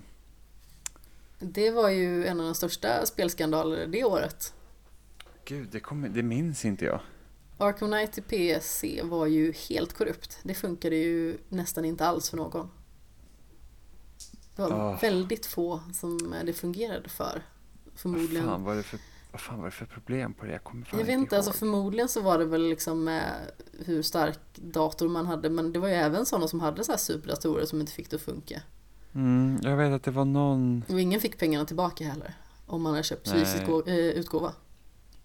Det, det är ju någonting som måste liksom ordnas det här med liksom att kunna göra återköp på digitala grejer. Mm. Jag tycker är det så att funkar inte liksom dag ett, då tycker jag då ska man kunna få lämna tillbaka. Då Ja det men liksom, definitivt. Alltså, ja, då sitter man där och så har man betalat fullpris för någonting som absolut inte fungerar. mm. Ju vansinne. Microsoft är rätt så bra på att man ska kunna Alltså spel som man inte ens börjat spela, som man råkar köpa någonting sånt, att man kan lämna tillbaka dem. Det är bara att man måste sitta så jävla länge i supporten. Ah. Det borde vara enklare. det är Alltså, typ jag, så här, orkar man uthärda så är man men- värdig. Ja men typ, jag har ju, jag har ju en elitkontroll till min Xbox. Så att då har man ju paddlar på undersidan av kontrollen så man kan eh, säga att ah, men jag vill ha A-knappen på en paddel till exempel. Mm. Eh, och och eh, det har ju hänt att man har råkat köpa saker, inte med flit, för att man har tryckt på A-knappen ett antal gånger för att man lägger kontrollen typ på soffan och det är lite snett. Oj, Yes, så det var så här att när jag köpte elitkontrollen, det var 100 kronor rabatt på kontrollen. Jag var så här, ah, jag slår till, det är liksom inte mycket pengar, liksom 100 spänn rabatt för en så dyr kontroll. Men jag var så här, ja men det var, jag ville ha en, jag ville ha en och liksom det var 100 kronor rabatt, jag köpte den. Samma kväll råkade jag köpa ett räckpaket eh, till Halo 5 för 100 spänn. så det var den rabatten, och det var inte ett bra räckpaket, det var så här typ att, ah, har, är du ny till Halo 5, köp de här korten. Jag, spelade, jag hade spelat Halo 5 typ i 500 timmar vid den tidpunkten. Oj, Så att, eh, yes, eh, och sen nu i våras så råkade jag köpa Fifa 19.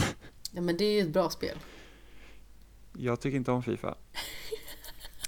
Så att jag, jag, alltså jag förstod fotboll, att det var haken faktiskt. yes, fotboll är liksom inte min foray direkt. Eh, så att jag var såhär, jag bara, fan, kunde jag inte köpa ett bra spel åtminstone? Och då var jag såhär, bara, går det ens att få tillbaka pengar för det här?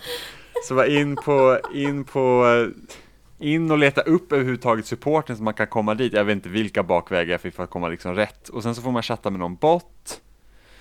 Eh, som försöker lotsa en till någon liksom grej. Och sen så får man prata med någon människa så bara ja ah, men vi ska hjälpa dig. Och sen så bara ah, jag behöver veta din gamertag. Och man bara det här är min gamertag. Och så bara åh vilken bra gamertag du har. Och man bara tack kan du hjälpa mig? Liksom det är så att de måste gå igenom de här stegen innan de faktiskt får hjälp. Så det tar ju typ 45 minuter så det är lite jobbigt Ja, jag säger det. Det gäller bara att uthärda på något vis.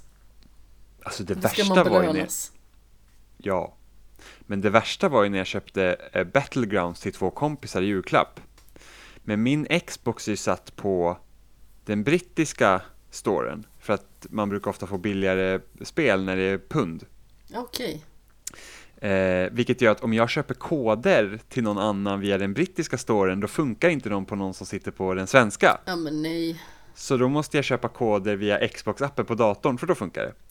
Men, så då köpte jag Battlegrounds till dem och ingen kod funkar. Och jag sa, åh fan. Så in, på, in till supporten och bara så här, och då är det någon bot och då ska man bara skriva nyckelord. Så jag typ så här, refund. Så bara kommer han och så bara det funkade, så bara refund igen. Och sen så helt plötsligt så kommer jag i kontakt med en människa, men det fattar ju inte jag, så jag sitter ju bara och skriver refund. så den människan måste tro att jag är skitotrevlig, så jag bara refund please typ. Och han bara, ah, men alltså vad, vad är liksom problemet? Jag bara refund, fortsätter jag bara så att jag liksom ska komma liksom rätt. Och så bara, ja ah, men nu liksom, jag vet inte riktigt vad, vad, vad, liksom, vad vill du ha refund på? Jag bara, åh gud, förlåt, jag trodde du var en robot. så att ja, de får skylla sig lite själva också när man liksom inte kan vara säker på om man faktiskt pratar med en eh, klient eller en människa. Nej men exakt. Mm. Det är lite svårt att veta. Ja, grymt svårt, det var ju liksom så här, ja. Men det, det löste sig det också. Men det var också så att jag provar de här de här grejerna, jag vet att det inte kommer funka, men då måste jag gå igenom de stegen igen, bara för att de ska kunna vara säkra. Så då fick jag min refund och sen så fick jag köpa dem på den svenska storyn istället. Ja, vad bra. Ja, annars hade jag bara haft två koder som inte fungerade, det är inte kul liksom. Nej, verkligen inte. Mm. Har du någonting mer du vill prata om innan vi ska gå vidare här? Nej, jag tror inte det. För vi har ju eh, hållit konceptet vid liv här. Ja, Och eh, vi har sett en film ur Mm. eh, vår gemensamma skämshög här. Och det är ju den eh, otroligt eh, mångfaldiga Oscars-nominerade eh, och Guldlejonet belönade filmen Roma.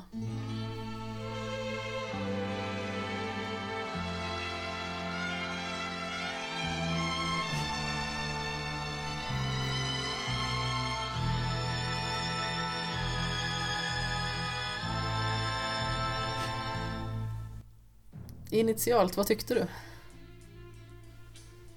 Ja, jag var väldigt, alltså jag hade ingen aning om vad det var för typ av film förutom att den var Oscarsnominerad så jag ville se den liksom. Men den var väldigt, det var som en blandning mellan typ, alltså väldigt såhär typ avantgarde nästan. Den I är, hur den var filmad och, och väldigt liksom så här. Det kändes, det kändes som att de blandade typ teater med film nästan. Ja, lite grann. Alltså den är ju våldsamt snygg, får man ju ändå säga. Men sen så är det ju så här att det är ju skaparen av den bästa Harry Potter-filmen.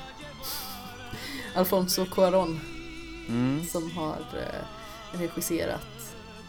Jag vill minnas att han är ganska känd för att eh, likt eh, Denis Villeneuve ha väldigt snyggt foto i sina filmer. Mm. Ja, det är helt makalösa scener. Alltså det är så vackert och det är dessutom svartvitt hela vägen igenom. Ja, jag undrar vad anledningen till det är. Jag vet inte, jag tror att det nog bara är för att sticka ut. Och det gör Det är det. möjligt. Ja, det gör det. Plus att det är ju liksom taget från 1970-talet i Mexico City också. Mm. Så jag tänker liksom att ja, men det är 70-talet, alla kanske inte riktigt har fått färg-tv än. Jag menar, det hade ju liksom inte alla fått här heller. Färg-tv kommer på 60-talet va? Ja, Men jag tror inte alla, alla hade väl inte fått färg-tv liksom.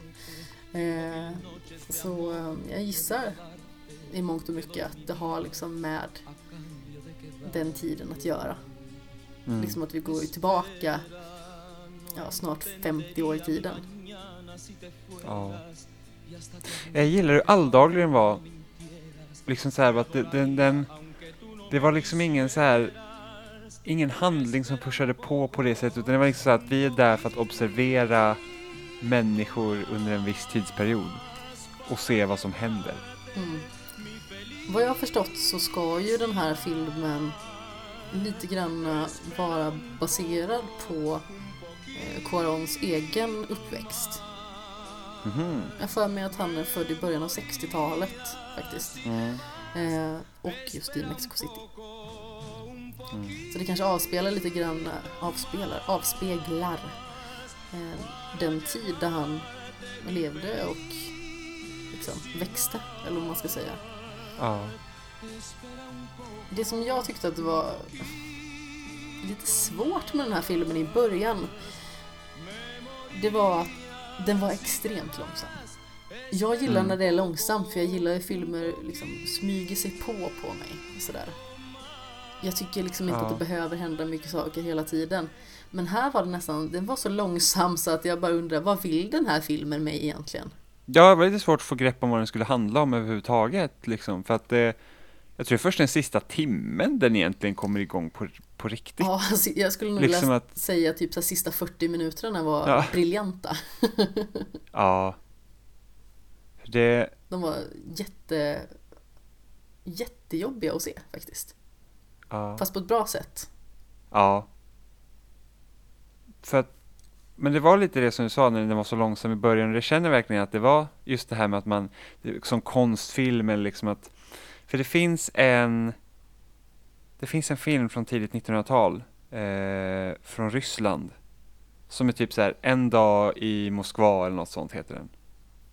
Jag ljuger säkert om titeln, men det var i Moskva i alla fall. Man, man fick liksom, någon, någon hade liksom tagit, ja men det, det någonting, vi fick se den här på, på, på en lektion.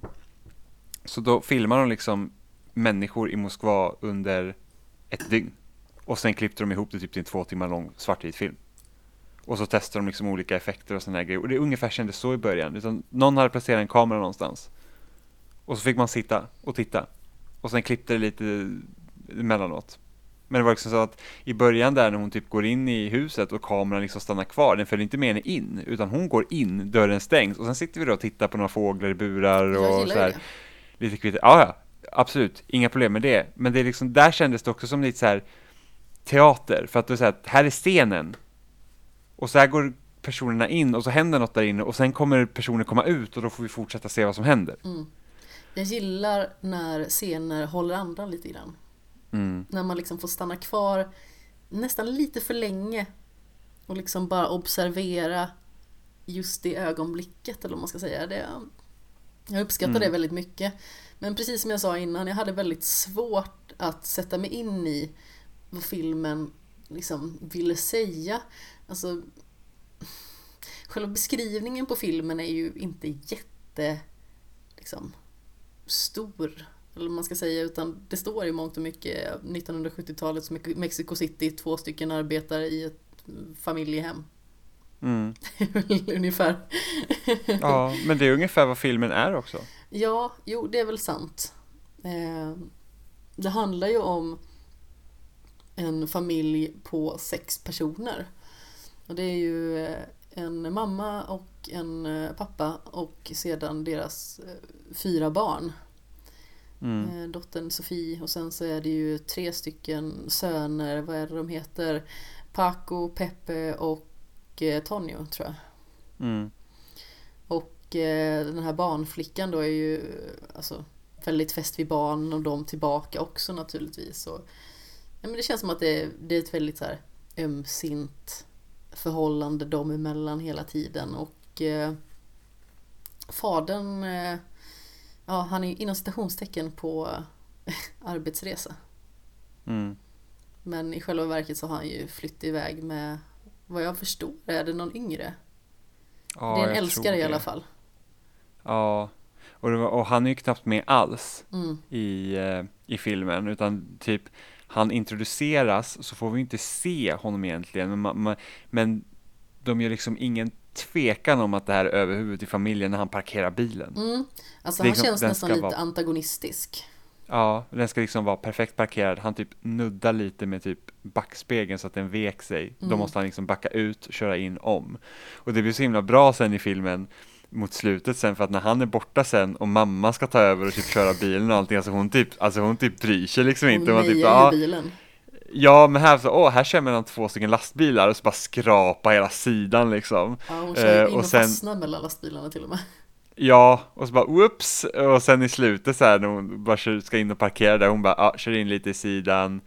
Eh, vilket jag nästan kände så här typ att med flit efter att pojkarna hade bråkat och det blev typ glas, alltså en, en boll gick genom glasrutan. Ja, men Då kände jag precis. så att åh, då ska inte det vara sönernas fel att bilen går sönder så att hon bara körde in den och skulle typ parkera den och bara oj då, här var en vägg, här var en vägg, oj då, whoops, och så kunde de köpa en ny bil liksom.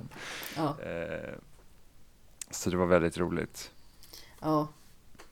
Men hela den här biten med hur det börjar vävas ihop sedan, för det är ju nämligen så att Cleo som huvudpersonen heter, hon går ju på en, ja egentligen ska det ju vara en dubbeldejt från första början med den andra tjejen i eh, hushållet.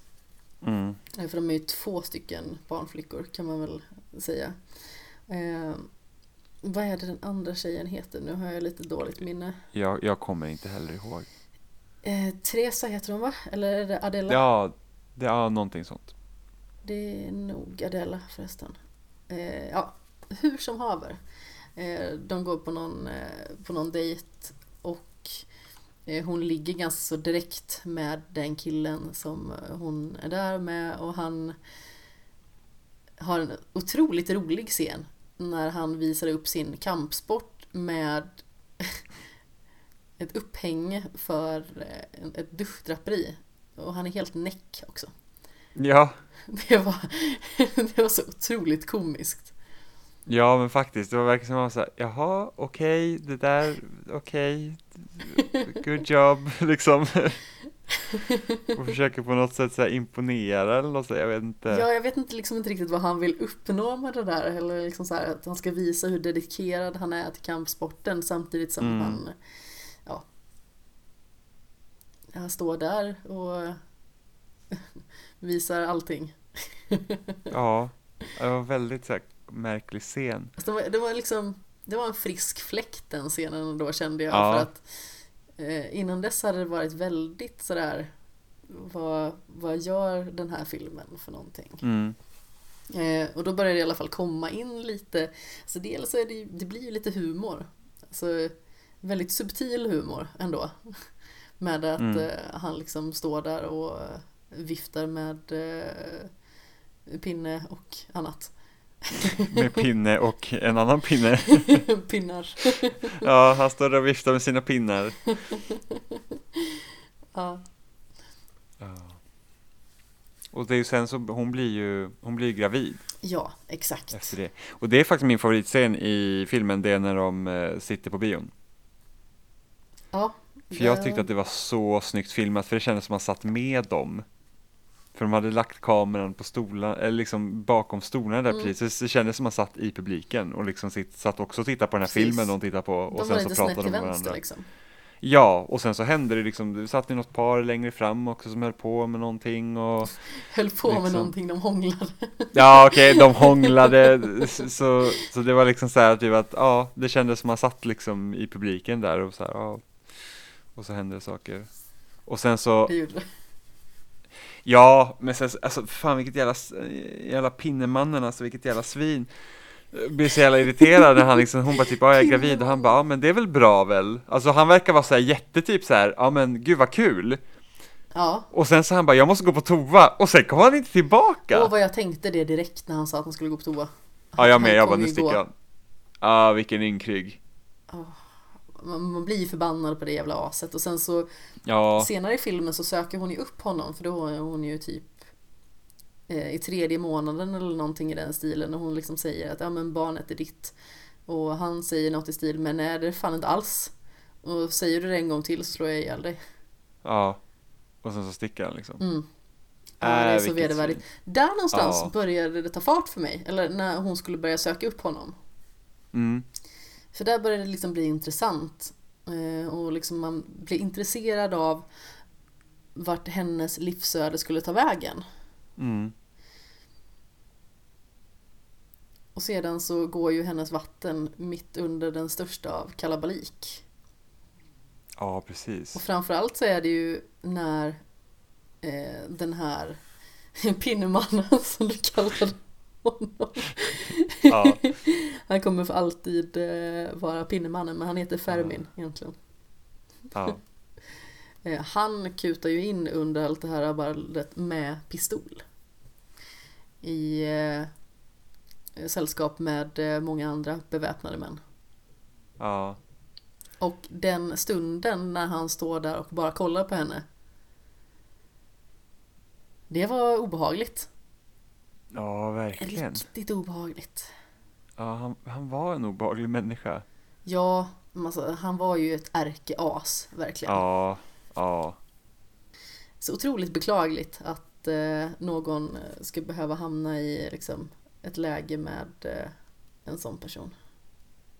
Ja men verkligen och sen så Och hon var ju så osäker också det här med att hon visste inte om hon skulle få jobba kvar Hos den här familjen När hon Åh, blev det var så hon, ledsamt. och hon hade ju hela liksom den grejen och sen så är det så att hon verkar vara väldigt omtyckt den här familjen och de verkar vara väldigt hjälpsamma men samtidigt är det ju den här liksom det är ju den här ehm, spänningen mellan att de är arbetsgivare och hon är arbetstagare Absolut. och att, och att även om hon vill känna sig en del av familjen så blir det ju aldrig liksom det här med att hon är inte egentligen en del av familjen. Mm, alltså det är ju en tydlig hierarki där. Det får man ju Ja, säga.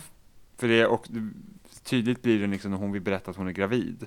Och Mm. är så här, hon bara, och hon kommer liksom, hon bara, jag vill verkligen prata med dig. Och hon bara, ja men se bara till att fixa barnen först. Och sen kan Mm. vi prata liksom. Så att jobbet kommer före. Och sen så hjälpte de ju henne väldigt mycket, så det är inte det. Men, men det är liksom att hon kommer ju ändå inte ifrån det att att det finns en, en obalans liksom i, i, vad ska man säga, i makten i den Absolut. relationen mellan dem. Men eh, ja, alltså när hon väl är på sjukhuset och vattnet har gått och hon ska förlösas. Mm. Wow. Alltså dels så stöter hon ju på Antonio, alltså pappan i familjen. Han Ja. bara, det här kommer gå jättebra, det är ingen fara, andas lugnt och man bara Vad vill du? Ja men eller hur. Jag bara kände liksom att eh, Man har ju aldrig fått se honom bete sig speciellt mycket som ett härke, men han är ju ett härke. Liksom. Ja, Han är bete, eh, liksom, hans beteende är inte acceptabelt. Han liksom lämnar en familj med fyra barn. Och alltså, Mm. säga vad man vill liksom, om att två personer växer isär eh, Mm. som partners gör. Men fyra barn liksom. ja, han har fortfarande ett ansvar. Ja, Och det var ju någonting, om man sa tillbaka till Sea of Solitude, för där var ju också pappan i familjen eh, ville ju ge sig av också. Mm. Och det, det värsta var att han hade pushat för att ha, vilja ha barn och sen så bara nej, du tog barn lite skumt. snabbt, jag vill aldrig ha barn, och man var så jävla arg. Och han Ja. var typ skyldig på hans miserabla, eller då enligt honom då, hans miserabla liv var liksom barnens fel. ja. Vilket är hemskt. Det är fruktansvärt och jag, jag tycker att det känns så otroligt tragiskt på något vis för att det finns så många barn som liksom sätts till världen. Kan man Mm. inte vara tillräckligt säker på om man vill ha dem eller inte? Ja. Och samtidigt vill jag säga att skaffar du barn oavsett, då, då har du ett ansvar. Det är Ja, du, liksom, du skriver på ett kontrakt livet ut. ja, full stopp. Men, vad händer? Det, det, det är ändå ganska intressant det här, så att säg att du vill ha barn. Du får barn. Och du inser att, jag tycker inte om barn. Jag, det, det är liksom, bara den känslan måste ju vara otroligt hemsk. Ja, jo, det är känna. väl sant. Så att eh, det, det är liksom Där finns ju också så att man ska kunna utforska Men vad, vad gör man om man får barn och sen så bara jag, jag känner ingenting Mm. Det är liksom så här, och så säger man så här att okej men det kommer, det kommer och sen fem år in så är det bara så här att Jag känner absolut ingenting för min unge liksom Jag avskyr barn Mm. Det hade ju varit hemskt Ja, verkligen. Men det får ju aldrig liksom egentligen ut, eh, så gå på barnet för det är inte barnets fel Nej, nej, alltså det är fortfarande en själv som har mm. Som har gjort satt barnet som, till världen. Liksom. Får man stå sitt kast Ja. Alltså jag är mycket mer väl medveten om att jag är ingen barnperson. Nej Men jag har ju liksom lite det problemet hos mig själv. Det är liksom inte alla andras fel så jättemycket skulle man kunna säga. Även att Mm. naturligtvis det finns problem som man kan irritera sig på. Det finns det ju Mm. med allting. Men jag är en sån här person som har väldigt svårt att kommunicera både med gamla människor mm. och med barn. Ja, Det funkar inte för mig. vad beror det på? Jag, jag vet inte, alltså typ gamla människor de mäter ju typ sin eh, livskvalitet liksom i sin avföring i stort sett. Och barn ungefär likadant, bara det att de pratar om avföring. Nej, jag, jag vet inte. Jag, jag tror att det liksom Det är bara svårt att kommunicera för jag När jag väl pratar med folk och jag gör det ingående Mm. då vill jag liksom ha lite, inte motstånd, men jag, jag vill liksom ändå ha ett samtal som intresserar mig. Mm. Och jag har ändå eh, tagit hand om ett barn väldigt närstående, så, ganska så, så mycket. Och eh, har verkligen försökt och, och visst, det gick bra. Men jag kan ju liksom kanske inte riktigt säga att att, att jag kände att det liksom så här gav mig så mycket av liksom att, att lära mig att prata med barn. Nej, jag förstår. Utan det är mer att det kanske det har lärt mig mer om att vara omhändertagande. Eller sådär. Ja. Så det finns väl liksom ett plus såklart där också. Men Ja. eh, jag, jag vet inte. Jag i allmänhet är inte bra på att kommunicera med människor. Så ju längre människor är ifrån alltså, lätta att kommunicera med, desto jobbigare Mm. blir det för mig. Mm. Det är väldigt få som, eh, som jag skulle kunna sitta och prata så här med bara. Eh, I allmänhet. Jag är liksom sån att jag, jag väljer ju ganska så ofta när jag vill prata med folk. Jag sitter ju väldigt Mm. ofta inne på mitt eget kontor och sköter mitt eget och tar en liten vandringstur kring eh, kontoret eller, eller sådär. Och kanske är med på en, en fika i personalrummet om dagen. Kanske Mm. fem minuter på lunchen eller någonting. Men jag vet inte, jag, jag tror att det handlar nog mer om att jag är väldigt krävande som person än alla andra kanske. Mm. Och jag Sen tror jag det blir väldigt annorlunda när det är ens eget barn. det kan jag absolut tänka mig. För att jag, jag är inte heller någon barnperson. Eh, för jag tycker de ofta är, men de förstår inte tillräckligt bra. ja men det är så här typ att, ja och sen typ det värsta jag vet är typ så att riktigt så här frågvist barn som man ska fråga massa grejer hela tiden. Och man säger bara nej, alltså jag, jag vill inte. Jag har ju haft ett barn som kallade mig för mamma en gång. Jaså? Och det var ju också lite sådär, då, hur, eh, hur gör jag nu? Ja, För jag stod ju barnet ganska så nära liksom då. ja precis. Eh, och då sa jag så här, ja men jag är ju jag är inte din riktiga mamma. Nej. Eh, och barnet svarade, men vad heter du då? Då var, det, då var det liksom som att mamma, det är liksom mer, det var liksom bara ett namn. men det är liksom en titel man typ. har nästan. Ja, precis. Ja, Alla vuxna kvinnor heter mamma, eller vissa, vissa vuxna kvinnor heter mamma. Eh, Ja. Som beter sig på det här sättet, eller ja, nå- någonting i den stilen. Han visste ju vad jag hette, eh, såklart. Men, eh, ja.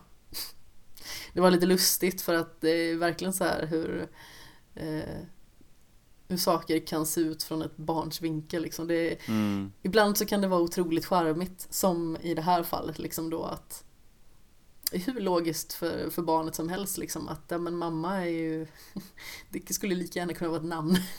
ja, ja men precis, precis. Så det var ganska roligt faktiskt.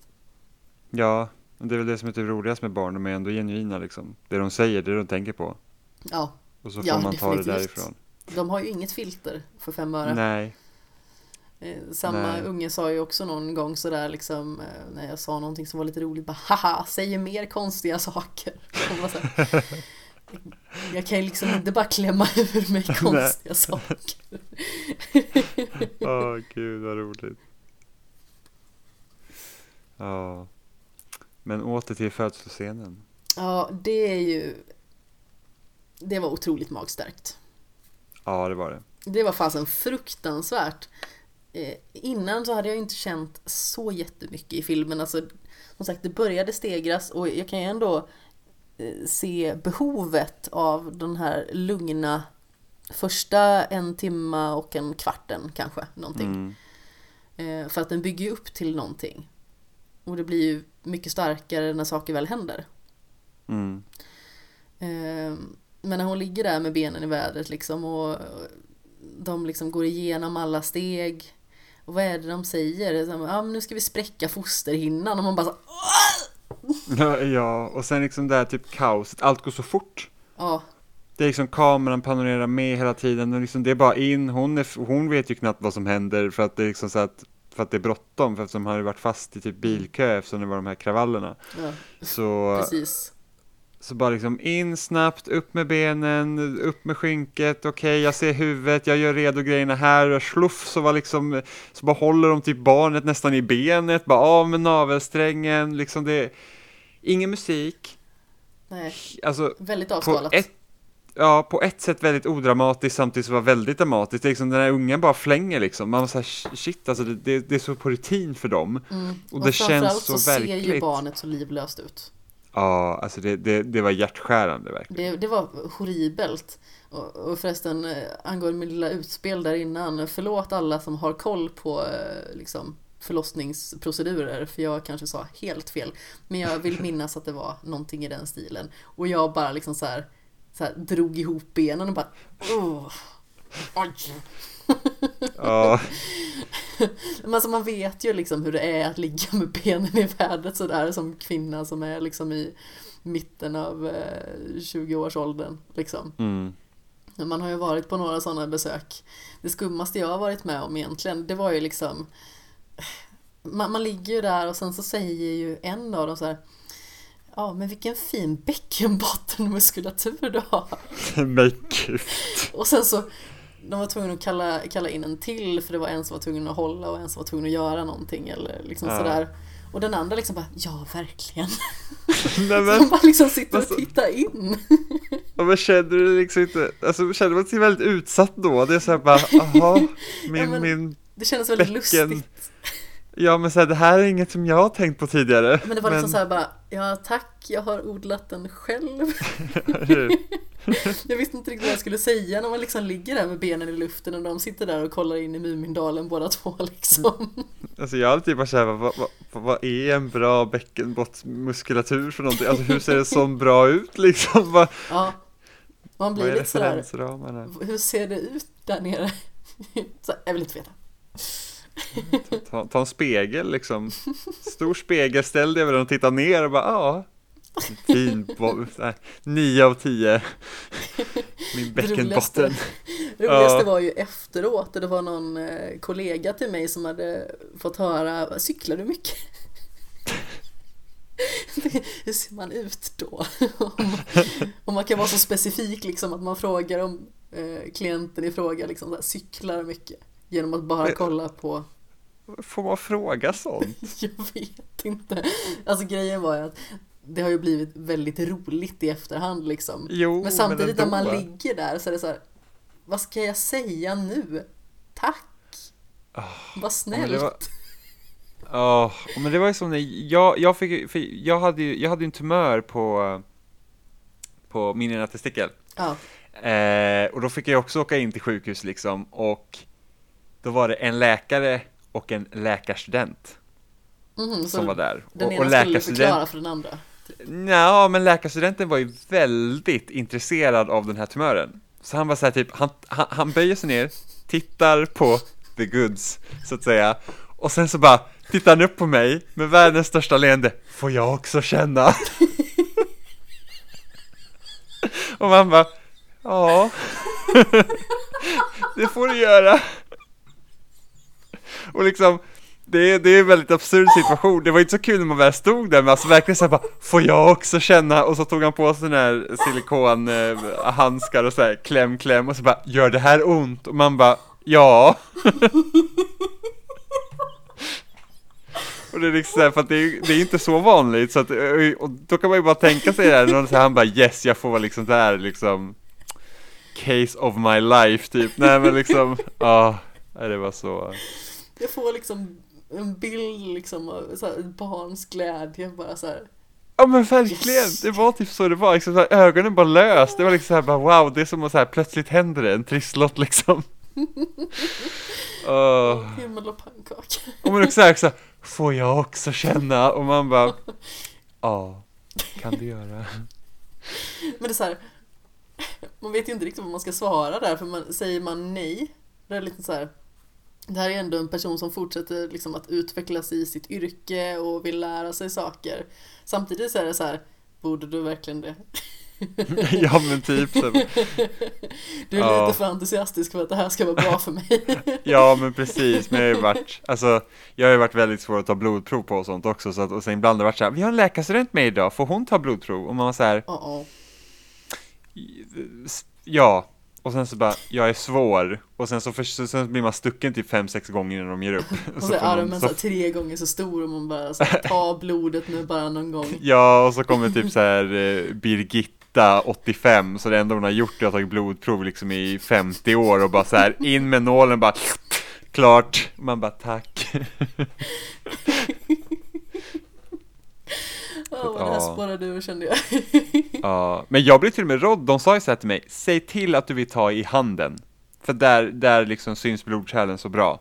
Ja. Och så sa jag det varje gång, ja, snälla ta i handen för att det är liksom, det är lättare där. Och de bara, nej då, jag har gjort det här så mycket, vi tar i armvecket. Och så blir man stucken tre, fyra gånger innan de tar handen. Jag hade inte velat bara, ta i mm, armvecket, jag tycker det är fäktigt. Va, tycker du? Mm. Ja, nu, nu, jag, jag, inga, jag tog blodprov i, igår, precis. Häromveckan, hur bra som helst. Nej, ja, jag vet inte. Även om när man gick dit så här, för att nu är det ju sommarvikarier på, på vårdcentralen, så jag kände inte igen någon av dem som var där. Eh, och så, så hade jag med en sån här blankett för en blodprov man ska ta. Och så bara, ja, alltså, kan de ha gett dig fel eh, kallelse? Och jag bara, vadå då? Jo, för att det, Ja men så, man var såhär, ja vad, vadå liksom, som, man- som jag kollade liksom på, för att jag hade någon sån här papper som stod olika på såhär PHP, värde, PCF, G plus eller något sånt du vet, sånt som inte betyder någonting för mig. Så bara, ja för det här, det här tar man, det här, det här testet tar man på folk som man tror är gravida.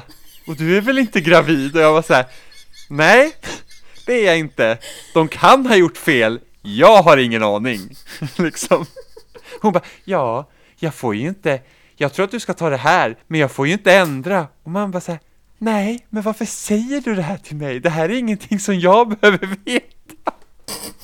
Bara ta mitt blod! Så att, ja, men vi, vi får se då. Jag kanske är gravid. Det hade ju varit, det hade varit chockande om något. Ja, men verkligen. Kanske gömmer en sån här tvilling i magen eller någonting, jag vet inte. Får jag komma på dopet? Absolut. Tack, snällt. Ja. Ja, men alltså det är ju många sådana här skumma grejer. Alltså, det har jag också skrivit ut på sociala medier någon gång om mina så här fejder när jag har ringt eh, sjukvårdsupplysningen. Mm. Och en av dem var ju att jag har haft problem med livmodern. Jag har haft, jag har haft riktigt ont i den. Eh, Oj. förmodligen på grund av spiral. Eh, Mm. Så att det liksom känns som att man har liksom satt några små elektroder på livmodern och så ger den stötar liksom. Usch. Så det gör ju våldsamt ont och ibland liksom så att det har varit nära att jag var tvungen att åka in till akuten. Ja. Eh, Det var framförallt i början. Det gjorde hemskt ont och jag kan liksom inte stå rak. Jag kan inte sitta rakt så jag måste liksom typ sitta med ryggen böjd till en liten båge och så får jag liksom sitta med en liten kudde bakom och så att mitt bäcken liksom rullar bakåt i kroppen. Mm. Då känns det helt okej. Eh, eller ja, jag överlever då. typ. Ja, men det är helt okej, det var lät väldigt tveksamt. Eh, men då i alla fall så Jag har ju haft kontakt med liksom alltså, diverse upplysning tidigare och även liksom även när jag har varit på så här cellprovtagning och spiralbyte och sådana grejer. Mm. Eh, liksom, jag har aldrig fått något vettigt svar. Och så fick jag en sån här attack för ungefär ett år sedan när jag hade jag hade så ont så jag visste inte vad jag skulle ta vägen. Jag, Mm. jag, jag liksom fick gå som en gammal tant och hålla mig i räcken överallt. För jag kunde inte gå rakt. Eh, och så i alla fall så ringde jag. Och blev uppringd liksom typ en halvtimme senare eller någonting.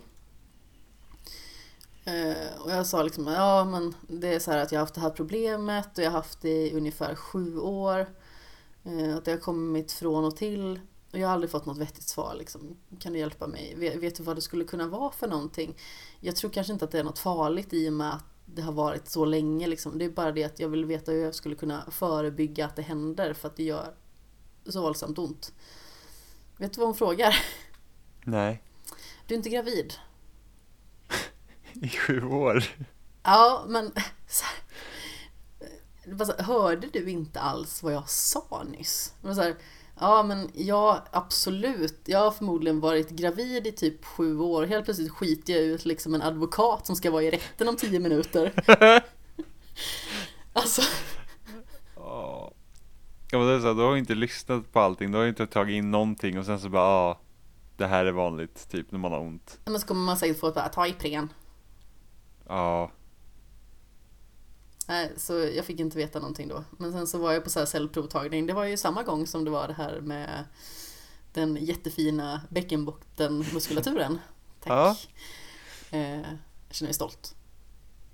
Eh, och och så här, köpa en rosett, ha gul och blå så här, dunk. Stolt innehavare av eh, Precis. solid bäckenbotten. En Men, plakett eh, liksom. Ja, men exakt. Sådär. Nej, men då fick jag reda på att det förmodligen bara var extremt eh, liksom, eh, kraftig verk i samband med ägglossning. Mm. Så det, jaha, ja okej. Så att det ska bara göra ont för evigt. Alltså, man vet ju när den, när den ligger i psyken så att säga. Mm, mm. Så då kan man ju förebygga med extra starka tabletter eller någonting Ja. sånt. Men ja, det är ju skönt att man vet det nu i alla fall. Det ska ju Ja. inte behöva ta sju år tycker jag. Nej, det ska det ju verkligen inte göra. Det är ju, Lustigt. ja, nej men det där med sjukvården det är lustigt ibland alltså. Ja, Det är som- oerhört. Det finns så många som vet sina saker men det finns också så många som jag har lyckats stöta på som är så här. Vad, vad gör du egentligen? Vad är meningen med dig? Ja, men det var ju som när, ja men det var så när, när jag liksom, jag misstänkte att jag hade diabetes. Och jag gick tre gånger och var så här, jag tror jag har diabetes och de bara, nej det är nog bara stress. Jaha. Man bara, Mm. jaha, för, för, men det var så att de bara dricker och går på toa mer än vanligt. Och det, det, eftersom man har typ 1, det är ju något som liksom är under, liksom på gång under flera år. Ja, Så att för mig var det ju normalt att dricka mycket. Så att jag tänkte inte på att det var onormalt. Jag bara, jag, jag, jag är bara sån som dricker mycket vatten liksom. Mm. Eh, så jag var såhär, nej det tycker jag inte, men liksom jag är jättetorr i munnen och jag liksom börjar få darrningar i, i liksom armarna, liksom de domnar bort. mm. Eh, och så de bara, nej det är nog bara stress. Och sen så var jag liksom det är ganska så tydligt tecken. Mm, Tycker jag i alla fall. Jag har ju läst en del om eh, olika typer av eh, sjukdomar mm, i samband med min eh, personlig tränarutbildning. mm. Både det och, och skador och ja, neurologi och saker som rör kroppen i allmänhet. Fysiologi. Mm. Men så att jag, och sen det värsta var ju hur torr i munnen man var. Alltså det var liksom att jag, man fick typ panik om man inte hade vatten med sig. Äta sand-känsla. Ja men typ så. Och liksom så att typ, man kunde liksom klappa med tungan på gommen och bara så här Mm. klapp, klapp. Liksom det var, ja, det var hemskt. Eh, det var det värsta. Och sen så var jag ju på vårdcentralen och bara så att jag är torr i munnen. Och bara för att jag skulle få hjälp så bara var, var jag liksom pekade också på alla andra symptom, så bara mina händer domnar och bla bla. Han bara, men sitter du mycket vid datorn? Så bara, nej alltså inte liksom inte så mycket just nu, liksom. det är mest via skolan man skriver så han bara, ja, ja, för att jag skulle vilja skicka till en arbetsterapeut för att jag är väldigt orolig för det här, liksom att det, det, det, armen domnar bort. Jag bara, men jag är torr i munnen också. Han bara, hur länge har det hållit på? Ja men tre veckor. Ja men är det så om en månad?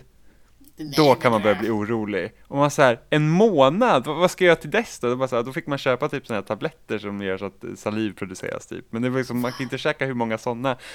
Och det var bara att, alltså tre dagar senare så behövde jag åka in akut för att jag var liksom nära på att dö liksom. För att kroppen Aj. höll på att stänga ner. Så att det var så här att, Inte ja, okej alltså. nej. Så att det var liksom, och de sa ju det, de bara, ja alltså, hur, hur länge har du mått så här? Så bara, ja, ett tag.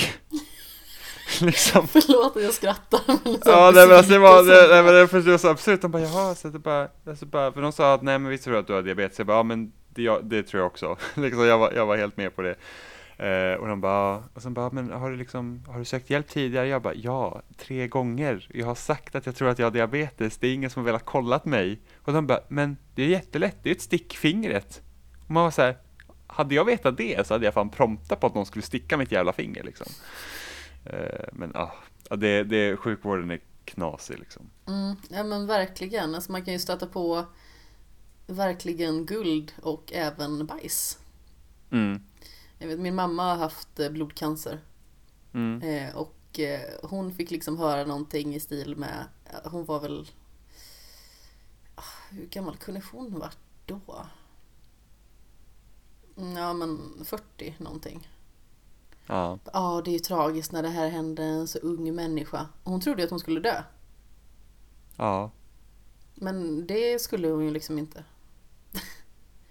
Nej, men men alltså liksom, hon var ju Hade de inte fixat det så hade hon varit illa däran. ja men, men- precis. Hon fick ju byta doktor bara för att han sa så. Eh, Ja. Och sen så opererade de liksom bort lymfkörteln. Mm, Alltså det, det är så dumt. Och sen så hade min pappa världens tur för han har ju också haft cancer. I, Ja. eh, han har en tumör i en tarm. oj, i tarmen. Mm. Så eh, han liksom man ska ju aldrig typ så här supergoogla sig fram till sina symptom men han var tydligen väldigt noggrann för pappa var ganska säker på vad det skulle kunna vara. Mm. Konstigt nog, han har liksom berättat här att han liksom gick dit och sa att men de här symptomen har jag. Jag tror att det kan vara det här, hjälp mig nu. Mm. För då är det liksom förstoppning och sådana grejer liksom. Eh, då, alltså smärta. Ja, Såklart. precis. Och som tur var fick han ju hjälp fort. Ja, men det är bra. Men eh, som Nej. sagt, det kan ju gå åt fanders. Mm. Men liksom men man pillar med folks liv. Ja, Man måste vara noggrannare än så. Alltså du hade ju kunnat dö. ja, ja, men det var liksom, jag, jag kommer jag kommer ihåg, jag, jag, jag var, alltså det var så mycket Livet så, passerar revy, typ. ja men det var, ja men det var så mycket som klaffade den dagen för att jag var ju liksom, jag var, jag skulle till skolan den dagen och då bodde jag hemma hos pappa i Norrtälje så det var liksom två timmar till skolan. Eh, och vakna upp, det visade sig att de har ändrat tid så att jag har skitbråttom till skolan. Får låna bilen och köra liksom till bussen till Norrtälje station istället för att liksom ta bussen till busstationen eh, för att byta buss. Så att då kör jag bil, vilket är livsfarligt för att jag i princip skulle kunna kunna däckat när som helst. Liksom. Mm. Eh, och åker in till skolan, mår illa hela tiden. Och så visar det sig att vi har världens längsta rulltrappor från tågstationen upp till skolan. Alltså de är riktigt långa och de funkar aldrig. Så att jag behövde gå upp för de här rulltrapporna. Och när jag kom i halvväg så kände jag så att jag, håll, jag orkar inte gå. Alltså kroppen bara, det bara tar stopp. Och då hade jag varit förkyld För precis innan också. Så jag tänkte jag bara, jävlar vilken sjukdom jag har haft liksom. Jag, jag bara, jag kanske måste stanna mitt i rulltrappan så folk går förbi mig. Pinsamt liksom. Men, men jag, jag härdade ut. Lyckas gå upp. Möt, eh, kommer till lektionen då, så det, vi har något seminarium så vi ska sitta och diskutera några texter bara så här. Jag är helt andfådd. Alltså det verkar, jag, jag får liksom typ ingen luft. Mm. Och, och läraren tittar, hon bara, alltså, mår du bra? Och jag bara, ja då, det är lugnt, det, det är okej. Jag, Som liksom, jag bara, ja, jag bara, så här, ja, det har bara varit stressigt, jag var liksom för sen och allting och bla bla, det går jättebra. Så pratar vi kanske i 40 minuter, jag är andfådd under hela de här 40 minuterna. Eh, och sen så, ja, men det är klart med seminariet och så ska jag ta mig hem och jag säger bara, jag måste gå ner till kafeterian. Bara, typ köper smoothies, socker, inte bra. Eh, visste inte jag då då. Köper, köper det, sitter där nere och dricker i min, liksom så här, typ, tycker synd om mig själv för jag mår så dåligt. Sen ska jag träffa Emma inne i Stockholm för jag skulle hämta ett spel.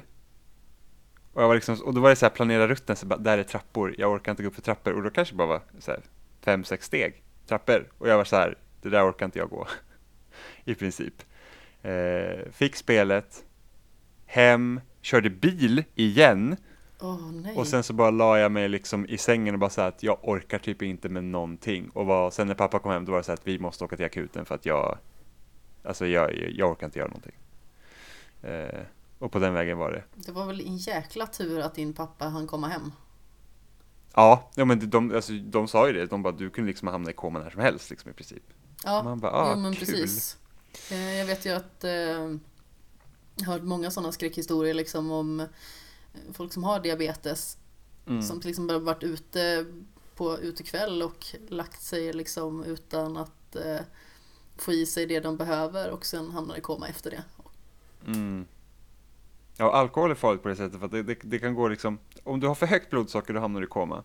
Mm. Har du för lågt blodsocker då hamnar du också i koma. Och med alkohol är det så att det börjar äta på, då behöver inte insulinet, då skickar inte kroppen ut socker utan den börjar ta hand om alkoholen istället, vilket gör att har du insulin i kroppen så dippar du liksom. Mm. Eh, så det, ja, det är en hel vetenskap.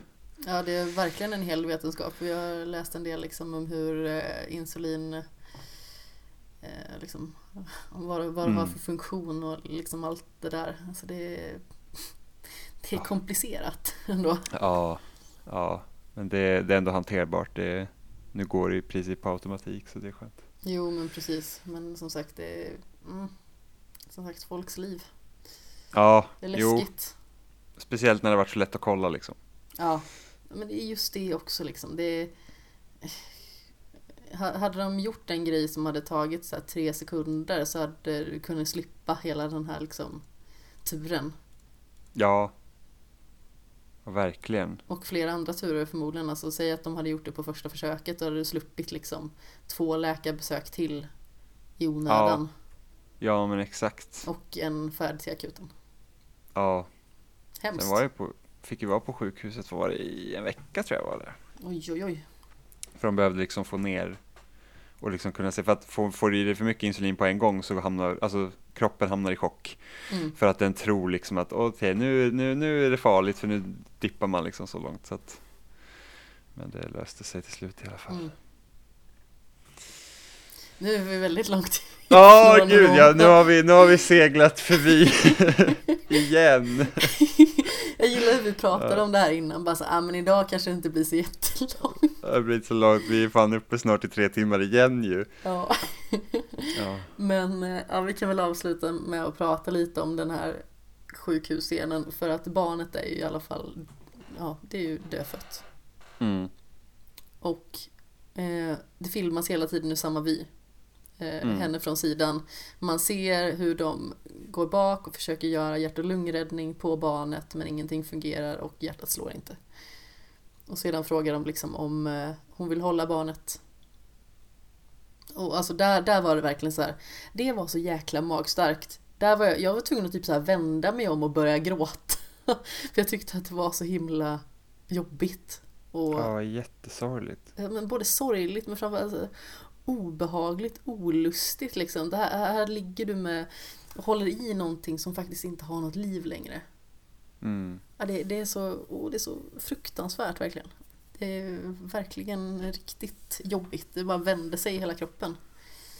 Ja, och sen är det också det här liksom att det gick så snabbt. Alltså det är liksom Mm. att barnet ut, barnet dött. Här, vill du hålla ditt barn? Håll i barnet i typ tre sekunder. Nu måste vi ta barnet igen. Mm. Och det var klart.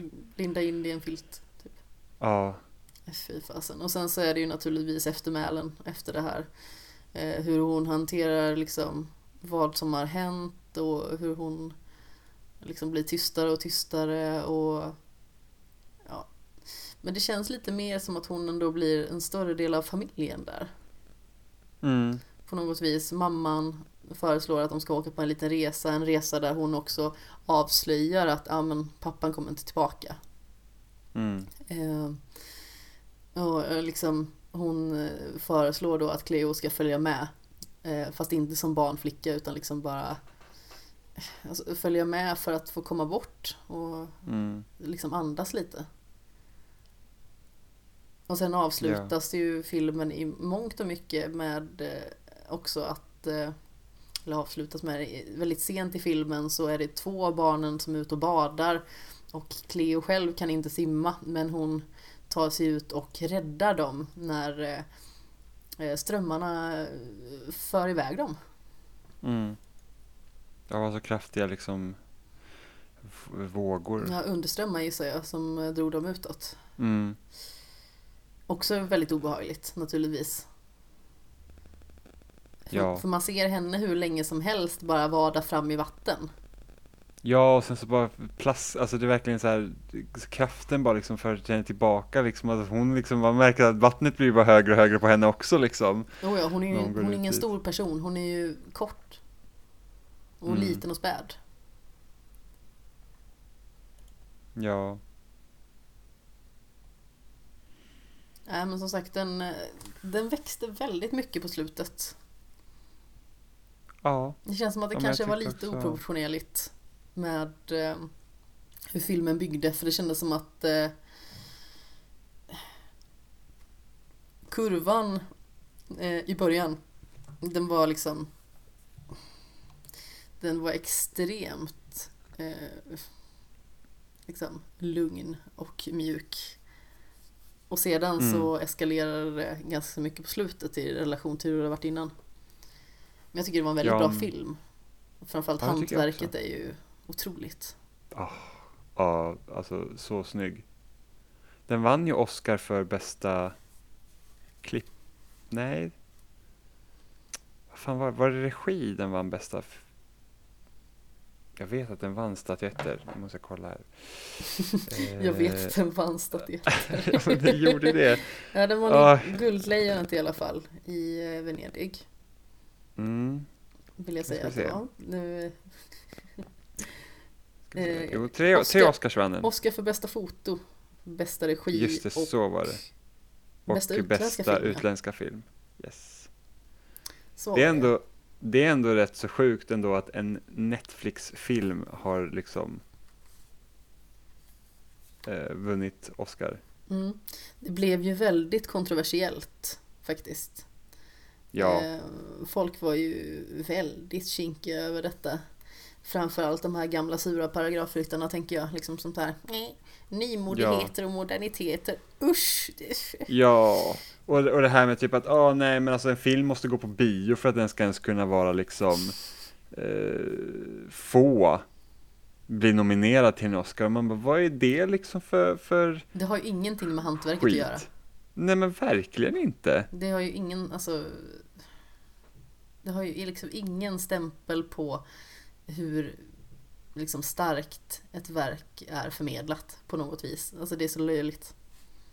Ja, det var, var liksom, vad, vad gör det för skillnad? Jag tycker att det är jättebra. Alltså jag menar, tänk så många fler den filmen kan gå ut till. För att jag menar, det finns inte alla som har råd att gå på bio. Nu är jag en sån person som jag älskar att gå på bio och jag går gärna på bio så ofta jag kan. Mm. Men alltså jag menar, bekvämligheten av att kunna se det hemma är ju ändå ja, och Det är ju en trygghet om man inte har mycket tid att spela med. Ja, och sen så alla filmer, liksom, alla filmer kanske inte kan gå upp på bio för att det är inte så många som går och ser dem heller liksom. Det är inte säkert att folk hade gått och sett liksom den här svartvita filmen på bio. Nej, det är liksom en film som faller i en ganska så smal kategori där. Mm. Alltså bara det att den är svartvit gör ju väldigt mycket. Mm. Ehm, och sen så kanske det finns folk som ser att den är svartvit och stänger av den bara för det. Men Ja, jag menar att då har den i alla fall fått en chans. Att många kanske inte ens börjar att gå och se den. ja men precis. Och sen det här var en ganska bra film att kunna se hemma. Ja, Liksom att, att man får liksom, man får ta tid att processa den själv istället för att liksom vara liksom lite i biostök och sådär. jo men precis. Jag satt och åt lunch samtidigt som jag såg den idag. Mm, jag, eh, jag började se den lite igår och sen såg jag resten nu medan jag åt middag. Så Mhm. gjorde jag faktiskt. Skönt att se sista, sista biten liksom när man äter. Ja, här kommer moderkakan. Ja, precis. Ja, precis. man var så här, mm, gott. Så äter man typ så här tomatsås eller Pannbiff. någonting. Ja, pannbiff och tomatsåsen. Ja. Ja. Nej, jag, jag tycker att den landar på ett eh, överlag eh, rätt högt betyg faktiskt. Sådär. Mm. Jag visste att det typ skulle vara en film som man behövde i alla fall, man måste vara i rätt mode när man ser den också. Ja, Det är inget man bara slår på typ innan man går och lägger sig. nej, inte riktigt. Nej, det är ingen man säger bara, "Ah, vad ska vi se på ikväll? Bara, "Ah, den här blir säkert bra, den här kan jag sova till. ja, men lite så här, jag och Tobias såg American Hustle i lördags. Mm. Det är en film som jag, jag har inte sett den så jättemånga gånger ändå, men alltså det är en sån film som man väldigt ofta skulle kunna vara på humör och se. Jag tycker att det är en skitbra film. Eh, väldigt många i min omgivning har liksom sagt att de inte tycker den är bra. Eller alltså bara liksom via betygssystem och så som jag har sett. Eh, och jag tycker att den är så otroligt underhållande och framförallt liksom manuset där eh, så otroligt roligt. Jeremy Renner gör sin eh, liksom livsroll som eh, den här politikern som han spelar och sen så är ju liksom Christian Bale är fantastisk, Amy Adams är fantastisk. Eh, även, eh, vad heter han, Stars Born Nisse. Eh, Bradley Cooper. Bradley Cooper gör också en väldigt bra roll där han passar in i rollen han ska spela. Mm. För den känns rätt eh, liksom så här silver lining playbook-sig ändå. Mm. Eh, ja, men det är en riktigt bra film. Men den känns ändå så här för att vara en film som jag tycker om så känns den nog ganska så lättuggad ändå att se lite när som helst. Det är liksom Mm. ingen Call Me By Your Name som man liksom behöver liksom eh, nästan eh, ladda upp för att se. Ja, men precis. Jag minns fortfarande när jag såg den första gången. Jag har ju Ja. bara sett Call Me By Your Name en gång. Jag har sett den tre gånger. Jag äger filmen. Men jag Mm, såg den, jag jag såg den på bio. Jag såg den på bio för att jag, det var en som jag har gått i skolan med en termin. Hon är halvsvensk och halvitalienare. Okej.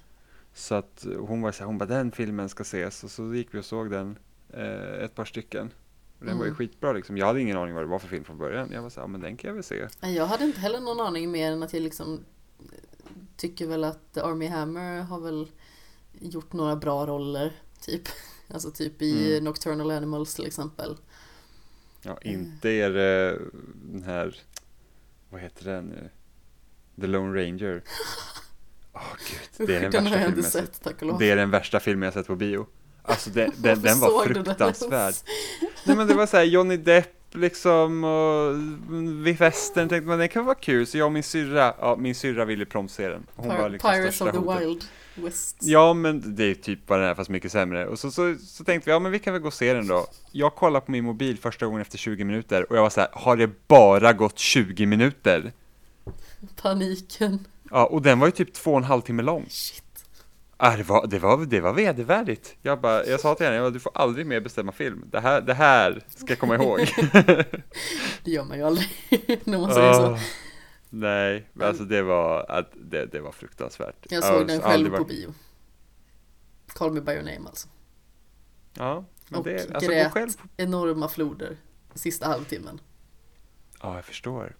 Alltså jag, jag Man- grät så hårt. Och sen så, jag var medveten om att det satt lite folk runt omkring mig men jag bara så här. jag skiter i er. Jag så bara låter det flöda. Ja, men att gå själv på bio är underskattat. Alltså det är lite jobbigt ibland alltså när, om man går på bio själv och det är mycket folk. Mm. Eh, jag såg The Imitation Game också under den typen av förutsättningar. Alltså det var knökfullt, jag gick själv. Och när det väl kom till en bit där jag bara kände att fan, jag skulle behöva gråta här. Ja, Eh, och så sitter man typ inknökad mellan två stycken eh, manspreadande typer med extra stor popcorn liksom på varje sida. Då känner man liksom att "Ah, jag kan inte släppa lös här nu. ja. Nej, det, det, då, kan- då kan det vara jobbigt. Låt mig vältra mig i min misär.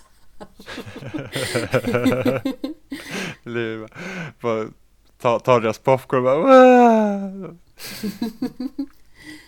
Jag kastar popcorn omkring mig. Typ. mm. Ja, Det gjorde jag på första Harry Potter-filmen när, när huvudet kommer ut ur boken. Då slängde jag typ popcorn rätt upp i luften för jag blev så rädd. Det låg popcorn överallt i bion. Det var, det var så oväntat. ja. Och det känns som att vi eh, slöt cirkeln där, Alfonso Cuarón och Harry Potter. Ja, Han gjorde ju den bästa, som sagt. Fången från Azkaban. Åh, jag vet inte vilken film jag tycker är bäst. Jag tycker att den är bäst, både som film och bok. Nej, som bok är det nog eh, Flammande bägaren jag tycker mest om. Oj, knorr. Jag tror att jag tycker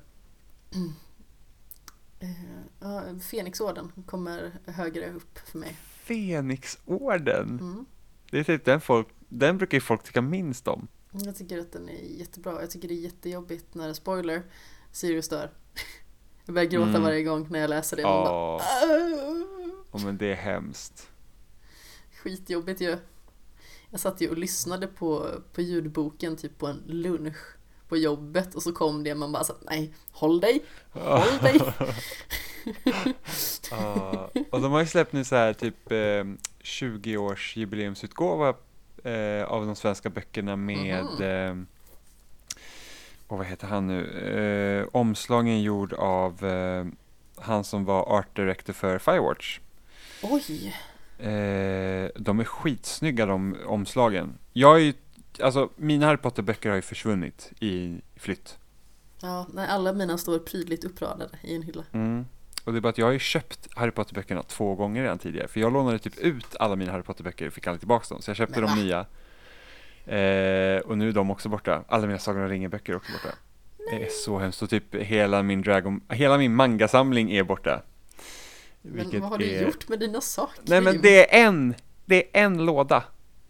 Som, som försvann Ah. någonstans. För att vi, jag vet inte om pappa åkte iväg med den någonstans, vart det nu var. För att jag, jag, det var så att jag jag trodde den var i det garaget vi hade massa lådor i, så att jag hittade inte den här lådan. Han bara, nej men jag åkte den till förrådet som vi hade då i Sollentuna. Så den måste vara där. Okej, okay, då tänkte jag mer på det, och den var inte där. Ah, så att den, nej. den är borta någonstans. Så det var, ja, det var hemskt. Jag förstår det. Eh, men så, att, så var det så här, åh, vill jag köpa jubileumsböckerna av Harry Potter? Och så var det så här, men jag gillar ju de gamla omslagen också. Vilken Eh, problematik. Ja men jag känner det, det är typ världens största ilandsproblem. Vad ska jag spendera mina pengar på? Vilket omslag av Harry Potter vill jag ha? Så att, eh, Fantastiskt. Ja. det sorgligaste med Sagan om ringen-böckerna är att jag hade den gamla översättningen och den nya översättningen inte lika bra. Okej, Mm. det är besvärligt. Ja, inte för att jag kommer läsa om Sagan om ringen någon gång tror jag. Nej, man somnar ju när man kommer till Det är, Vattenadal. li- det är lite mastigt att ta sig igenom alltså. Det är det.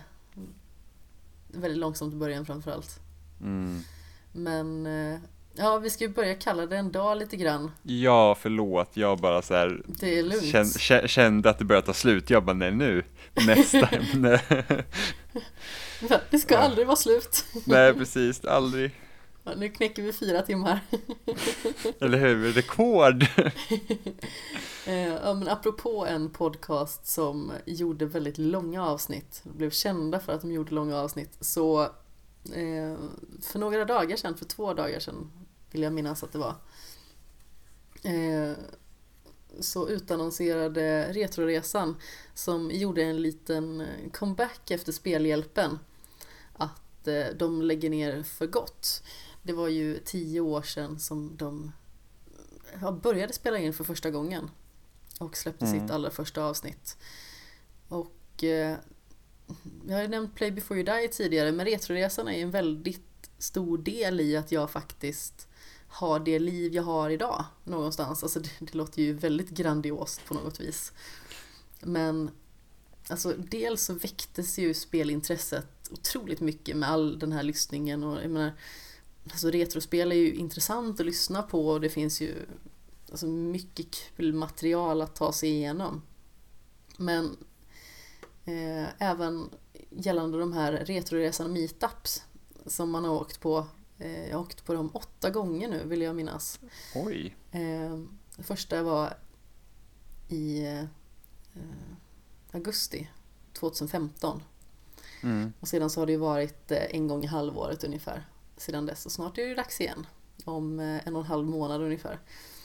Och tack vare Retroresan Meetup så har jag fått så otroligt mycket nya vänner som jag aldrig hade fått. Om inte jag hade men, faktiskt beslutat mig för att följa med. Mm. Jag är alltid obekväm i nya sammanhang och jag är liksom Många ser ju mig som den här hopplöst introverta personen som eh, gärna liksom eh, sitter i ett hörn och men sedan kanske blommar ut om det är någonting som man brinner för. Mm. Ehm, Men jag kände mig så välkommen direkt i den här skaran av så otroligt mycket folk och jag var till en början som sagt livrädd för den mängden folk och hur jag skulle kunna hantera det jag menar, i så många dagar. Att vara med så mycket folk och så många nya intryck och, och sådär. Men det gick fantastiskt bra och jag har fått så himla många vänner som är så otroligt fina bara och roliga att umgås med. Och jag har kommit andra personer närmare och, och sen liksom det har ju hjälpt mitt spelintresse att utvecklas ännu mer för jag menar jag har inte alltid varit en sån liksom stor spelnörd som jag är idag. Om man ändå liksom får sätta den titeln på sig själv. Mm. Ehm, och jag hade garanterat inte liksom börjat skriva min blogg Skämshögen. Som ledde till att jag blev kontaktad för att skriva för IGN. Mm. Som alltså i sin, sin tur liksom banade väg till att jag började på loading eh, och innan dess liksom eh, blev medbjuden att vara med i en inkluderande podcast och sedan så startade jag min egen podcast och så det är liksom en, en stor snöboll som Retroresan drog igång där någonstans så eh, tillsammans med Play before you die egentligen. Mm. Och man har ju haft den här lyssningen i öronen så otroligt många timmar. Jag har lyssnat om Retroresan flera gånger. Och det har funnits mycket mysigt i allmänhet att, att lyssna på. Och även, jag har liksom känt som ett stöd när man kanske inte mår så jättebra.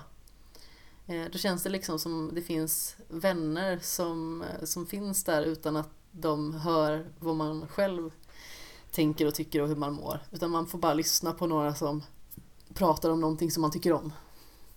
Mm. Alltså det har eh, förmodligen vid det här laget eh, tonats upp en eh, hyllningslåt i bakgrunden. Som var med i sista avsnittet när Retroresan la ner för första gången. När de hade sin episka final på över 11 timmar podcast vill jag minnas. Åh herregud! ja. Ja, vi har ju saker att jobba på här, Amanda. Ja, vi har ju det. Du har inget att göra imorgon, va? jag är ledig. Ja, det är ju tyvärr inte jag. Nej, du får ta med dig liksom, jag får ta med till jobbet. från jobbet. Live direkt från butiken. Ja, precis. Eh, nej, men så kort och gott liksom tack till Retroresan för alla magiska timmar med podcast, alla vänner, minnen och liksom att öppna upp spelvärlden för mig ännu mer. Och jag tänker liksom fortsätta på den snöbollen. Någonstans. Mm. Och ja, jag gissar ju att, eh, att Samson kanske kommer gästa här eh, snart också. Det, det, har ju varit på tal sedan innan skämshögen ens drog igång så vi får se när det blir av. Ja, roligt, roligt. Ja. Men hur som haver, vi ska säga godnatt höll jag på att säga. Klockan är 23.44. Faktiskt, klockan kvart i tolv. Ja, jag måste äta middag. Men gud! Men du ja, vet hur jag, jag är. ja, jag vet. Det är så här att oh, jag, jag, jag ser till att fixa sånt innan. Ja. Du, du, du kommer säga, jag kom precis hem och så sätter du dig ner och så spelar vi in. Ja, nej jag kommer ju direkt från gymmet. Precis. Har haft pass. Mm. Men eh, vart hittar man dig när inte du är här hos mig? Man hittar mig på loading.se och eh, spelsnack.com. Mm, som jag lovar att jag ska gästa snart. Ja, ja. Fire Emblem Three Houses kanske? Ja! Oj. Jag, nej, oj förlåt, jag, jag var inte med, jag, var inte meningen att jag skulle, det var inte meningen att jag skulle låta så högt. eh, ja, för jag bokade det spelet. Eh, jag bokade faktiskt det spelet nu. Jag var lite osäker på om jag skulle köpa det eller inte. Jag älskar Fire Emblem, eller okej, okay, lite hårt ord. Jag tycker om Fire Emblem. Eh, Med kärlek. Jag, ja, precis. Jag har inte spelat alla spel för att de de är väldigt långa och jag är inte så överdrivet för att spela på min 3DS. Liksom när man har, alltså den, den maskinen känns gammal nu för tiden. Ja, det gör den faktiskt Men jag är, jag är väldigt peppad på ett nytt konsol Fire Emblem för att mm. det har inte kommit ett sedan 2007 vill jag minnas. Till Wii va? Till Wii ja. Det var en direkt uppföljare till GameCube-spelet som var det första Fire Emblem jag spelade. Mm. Jag har ju bara spelat bärbart så jag är förpillat förtjust i den här idén. mm, ja, jag har ju hört här, att det är en blandning mellan eh, anime, Game of Thrones och Harry Potter. Ja, man blir ju glad i byxan alltså. Så vi får ju se vad som händer. Eh, men ja, ja, det spikar vi. Det tycker jag definitivt. Och skämshögen hittar ni ju på sociala medier i sedvanlig ordning. Twitter, Instagram, Facebook och så vidare. Eh, på de tidigare nämnda snabla skamshogen naturligtvis där poddar finns i allmänhet. Jag heter Kapten Sten, Sten med två E. Um, ja, jag vet inte vad mer jag ska säga idag än att vi hörs ju nästa vecka Jimmy. Ja, nej, vi, vi lyckades bräcka tre timmar igen. nästa vecka blir det ännu längre. ja, det, det är bra jobbat. Ja, vi ska ju prata om Big Little Lies säsong två. Yes och förmodligen en herrans massa andra saker och ivägsvärmningar om både det ena och det andra. Vem vet var vi kommer dra iväg Precis, någonstans? ångestfiskar och bäckenbottenmuskulaturer och ja. Det är fortfarande väldigt roligt tycker jag. Vad är din dolda talang Amanda? Uh, Ja, jag kan ju liksom inte visa den direkt. Kan och kan. Men det är inte rätt. Nej. Nej. Vill du se mitt partytrick? Jag ångrar mig. Ja, jag säger det nu. Puss i ljumsken.